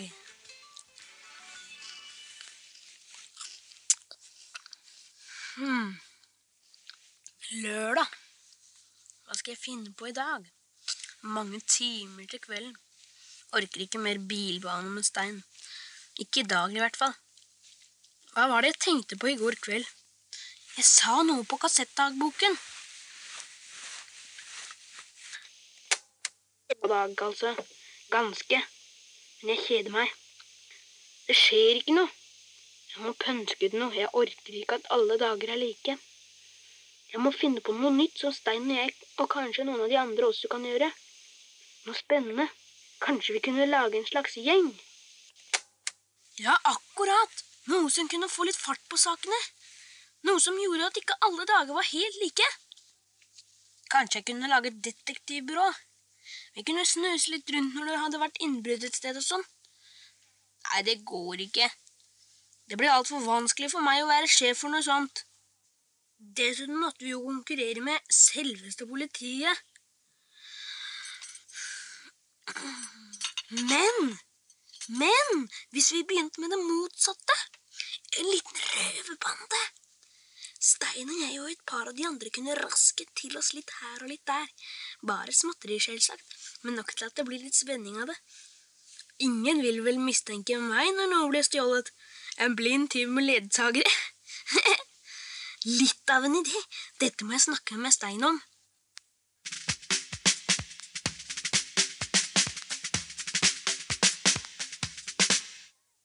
Hallo? Hei, Stein. Det er Tom. Du må komme over til meg. Jeg har en kjempeidé. Jeg var hos deg for en halvtime siden, jo. Ja, jeg vet det, men nå er det noe jeg må snakke med deg om. Ja vel. Jeg kommer. Jeg skal bare innom Petter først og Nei! Du må komme med en gang. Jeg kommer på noe superhemmelig som du og jeg kan gjøre. Ok. Hvis det haster sånn, da. Jeg kommer.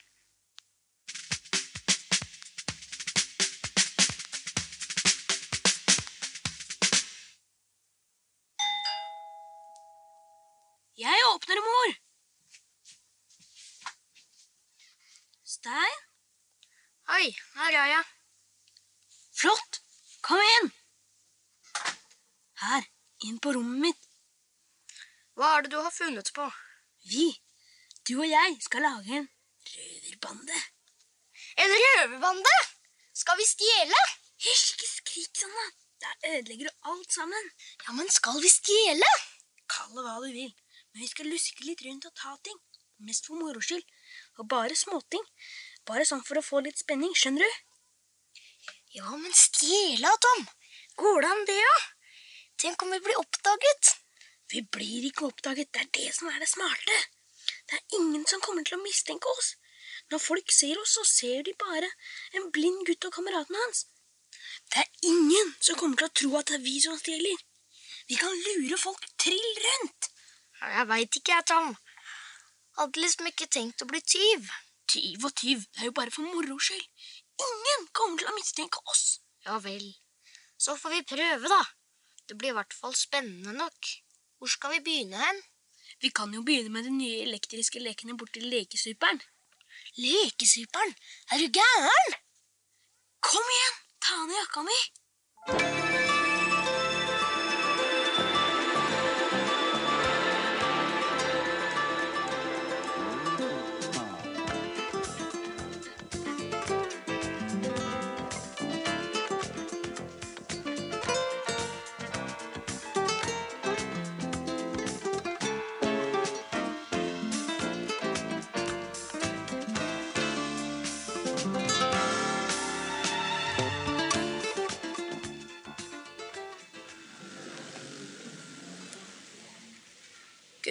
Prøve oss litt lenger unna, da?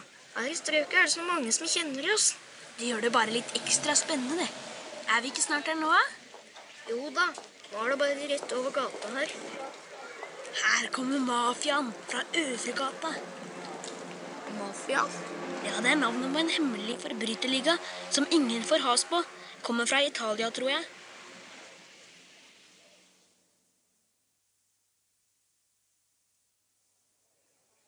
Hvordan skal vi gjøre da?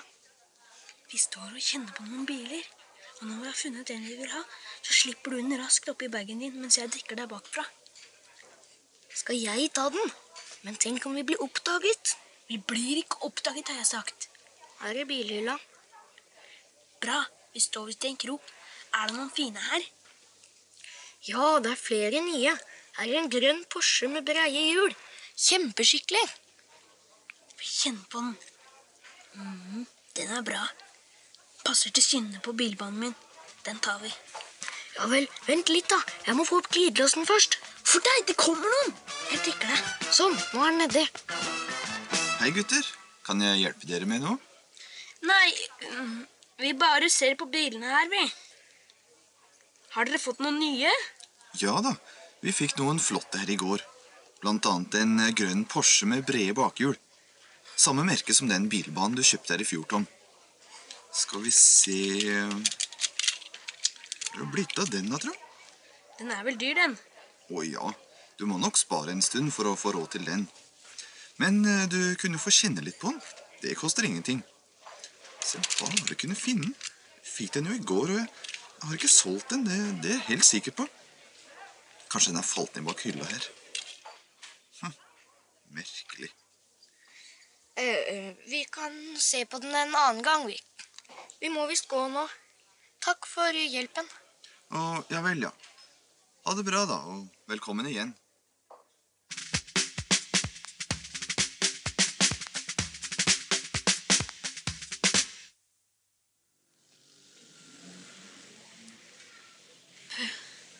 Det var nære på. Var det noen andre der inne som kan ha sett oss? Nei, ingen. Vi var skjult bak dokkehylla. Bra, da er vi sikre. Øvregata supermafia klarte biffen. Nå drar vi hjem til meg og Pass deg, du går rett på en mann! Oi! Si deg for, da. Sier du ikke at jeg blir Jeg mener, unnskyld, du merket ikke at du kom? Det er eh, greit, det, Tom. Og dere har vært i lekebutikken, ser jeg. Skulle tro dere hadde kjøpt hele butikken, slik som du tviholder på veska di, Stein. Ja, vi har eh, Vi har dårlig tid, vi. Kom og Stein. Morgen igjen. Vi ses.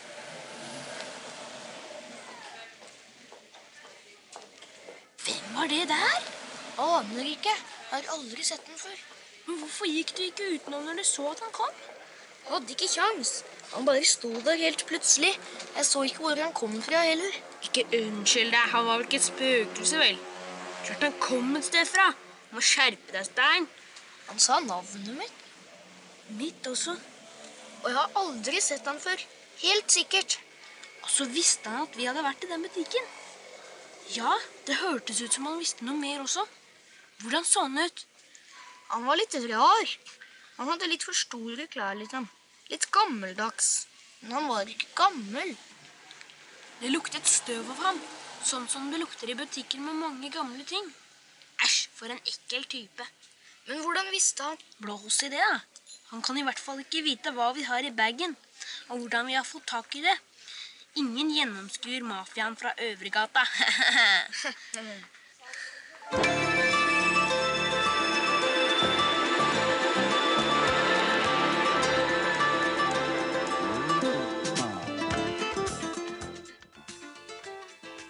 Ja, kjære kassettdagbok, akkurat slik skjedde det.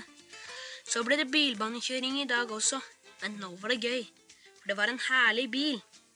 Og så var det akkurat som om vi feira en seier. Men jeg er blitt litt urolig, liksom. Ikke fordi vi tok den bilen. Det var spennende og gøy. Men hvem var den mannen vi møtte? Jeg skjønner ikke hvordan han kunne vite alt det om oss som han gjorde. Og hvor kom han fra? Og hvor ble det av ham? Jeg forteller deg mer når jeg vet noe. God natt.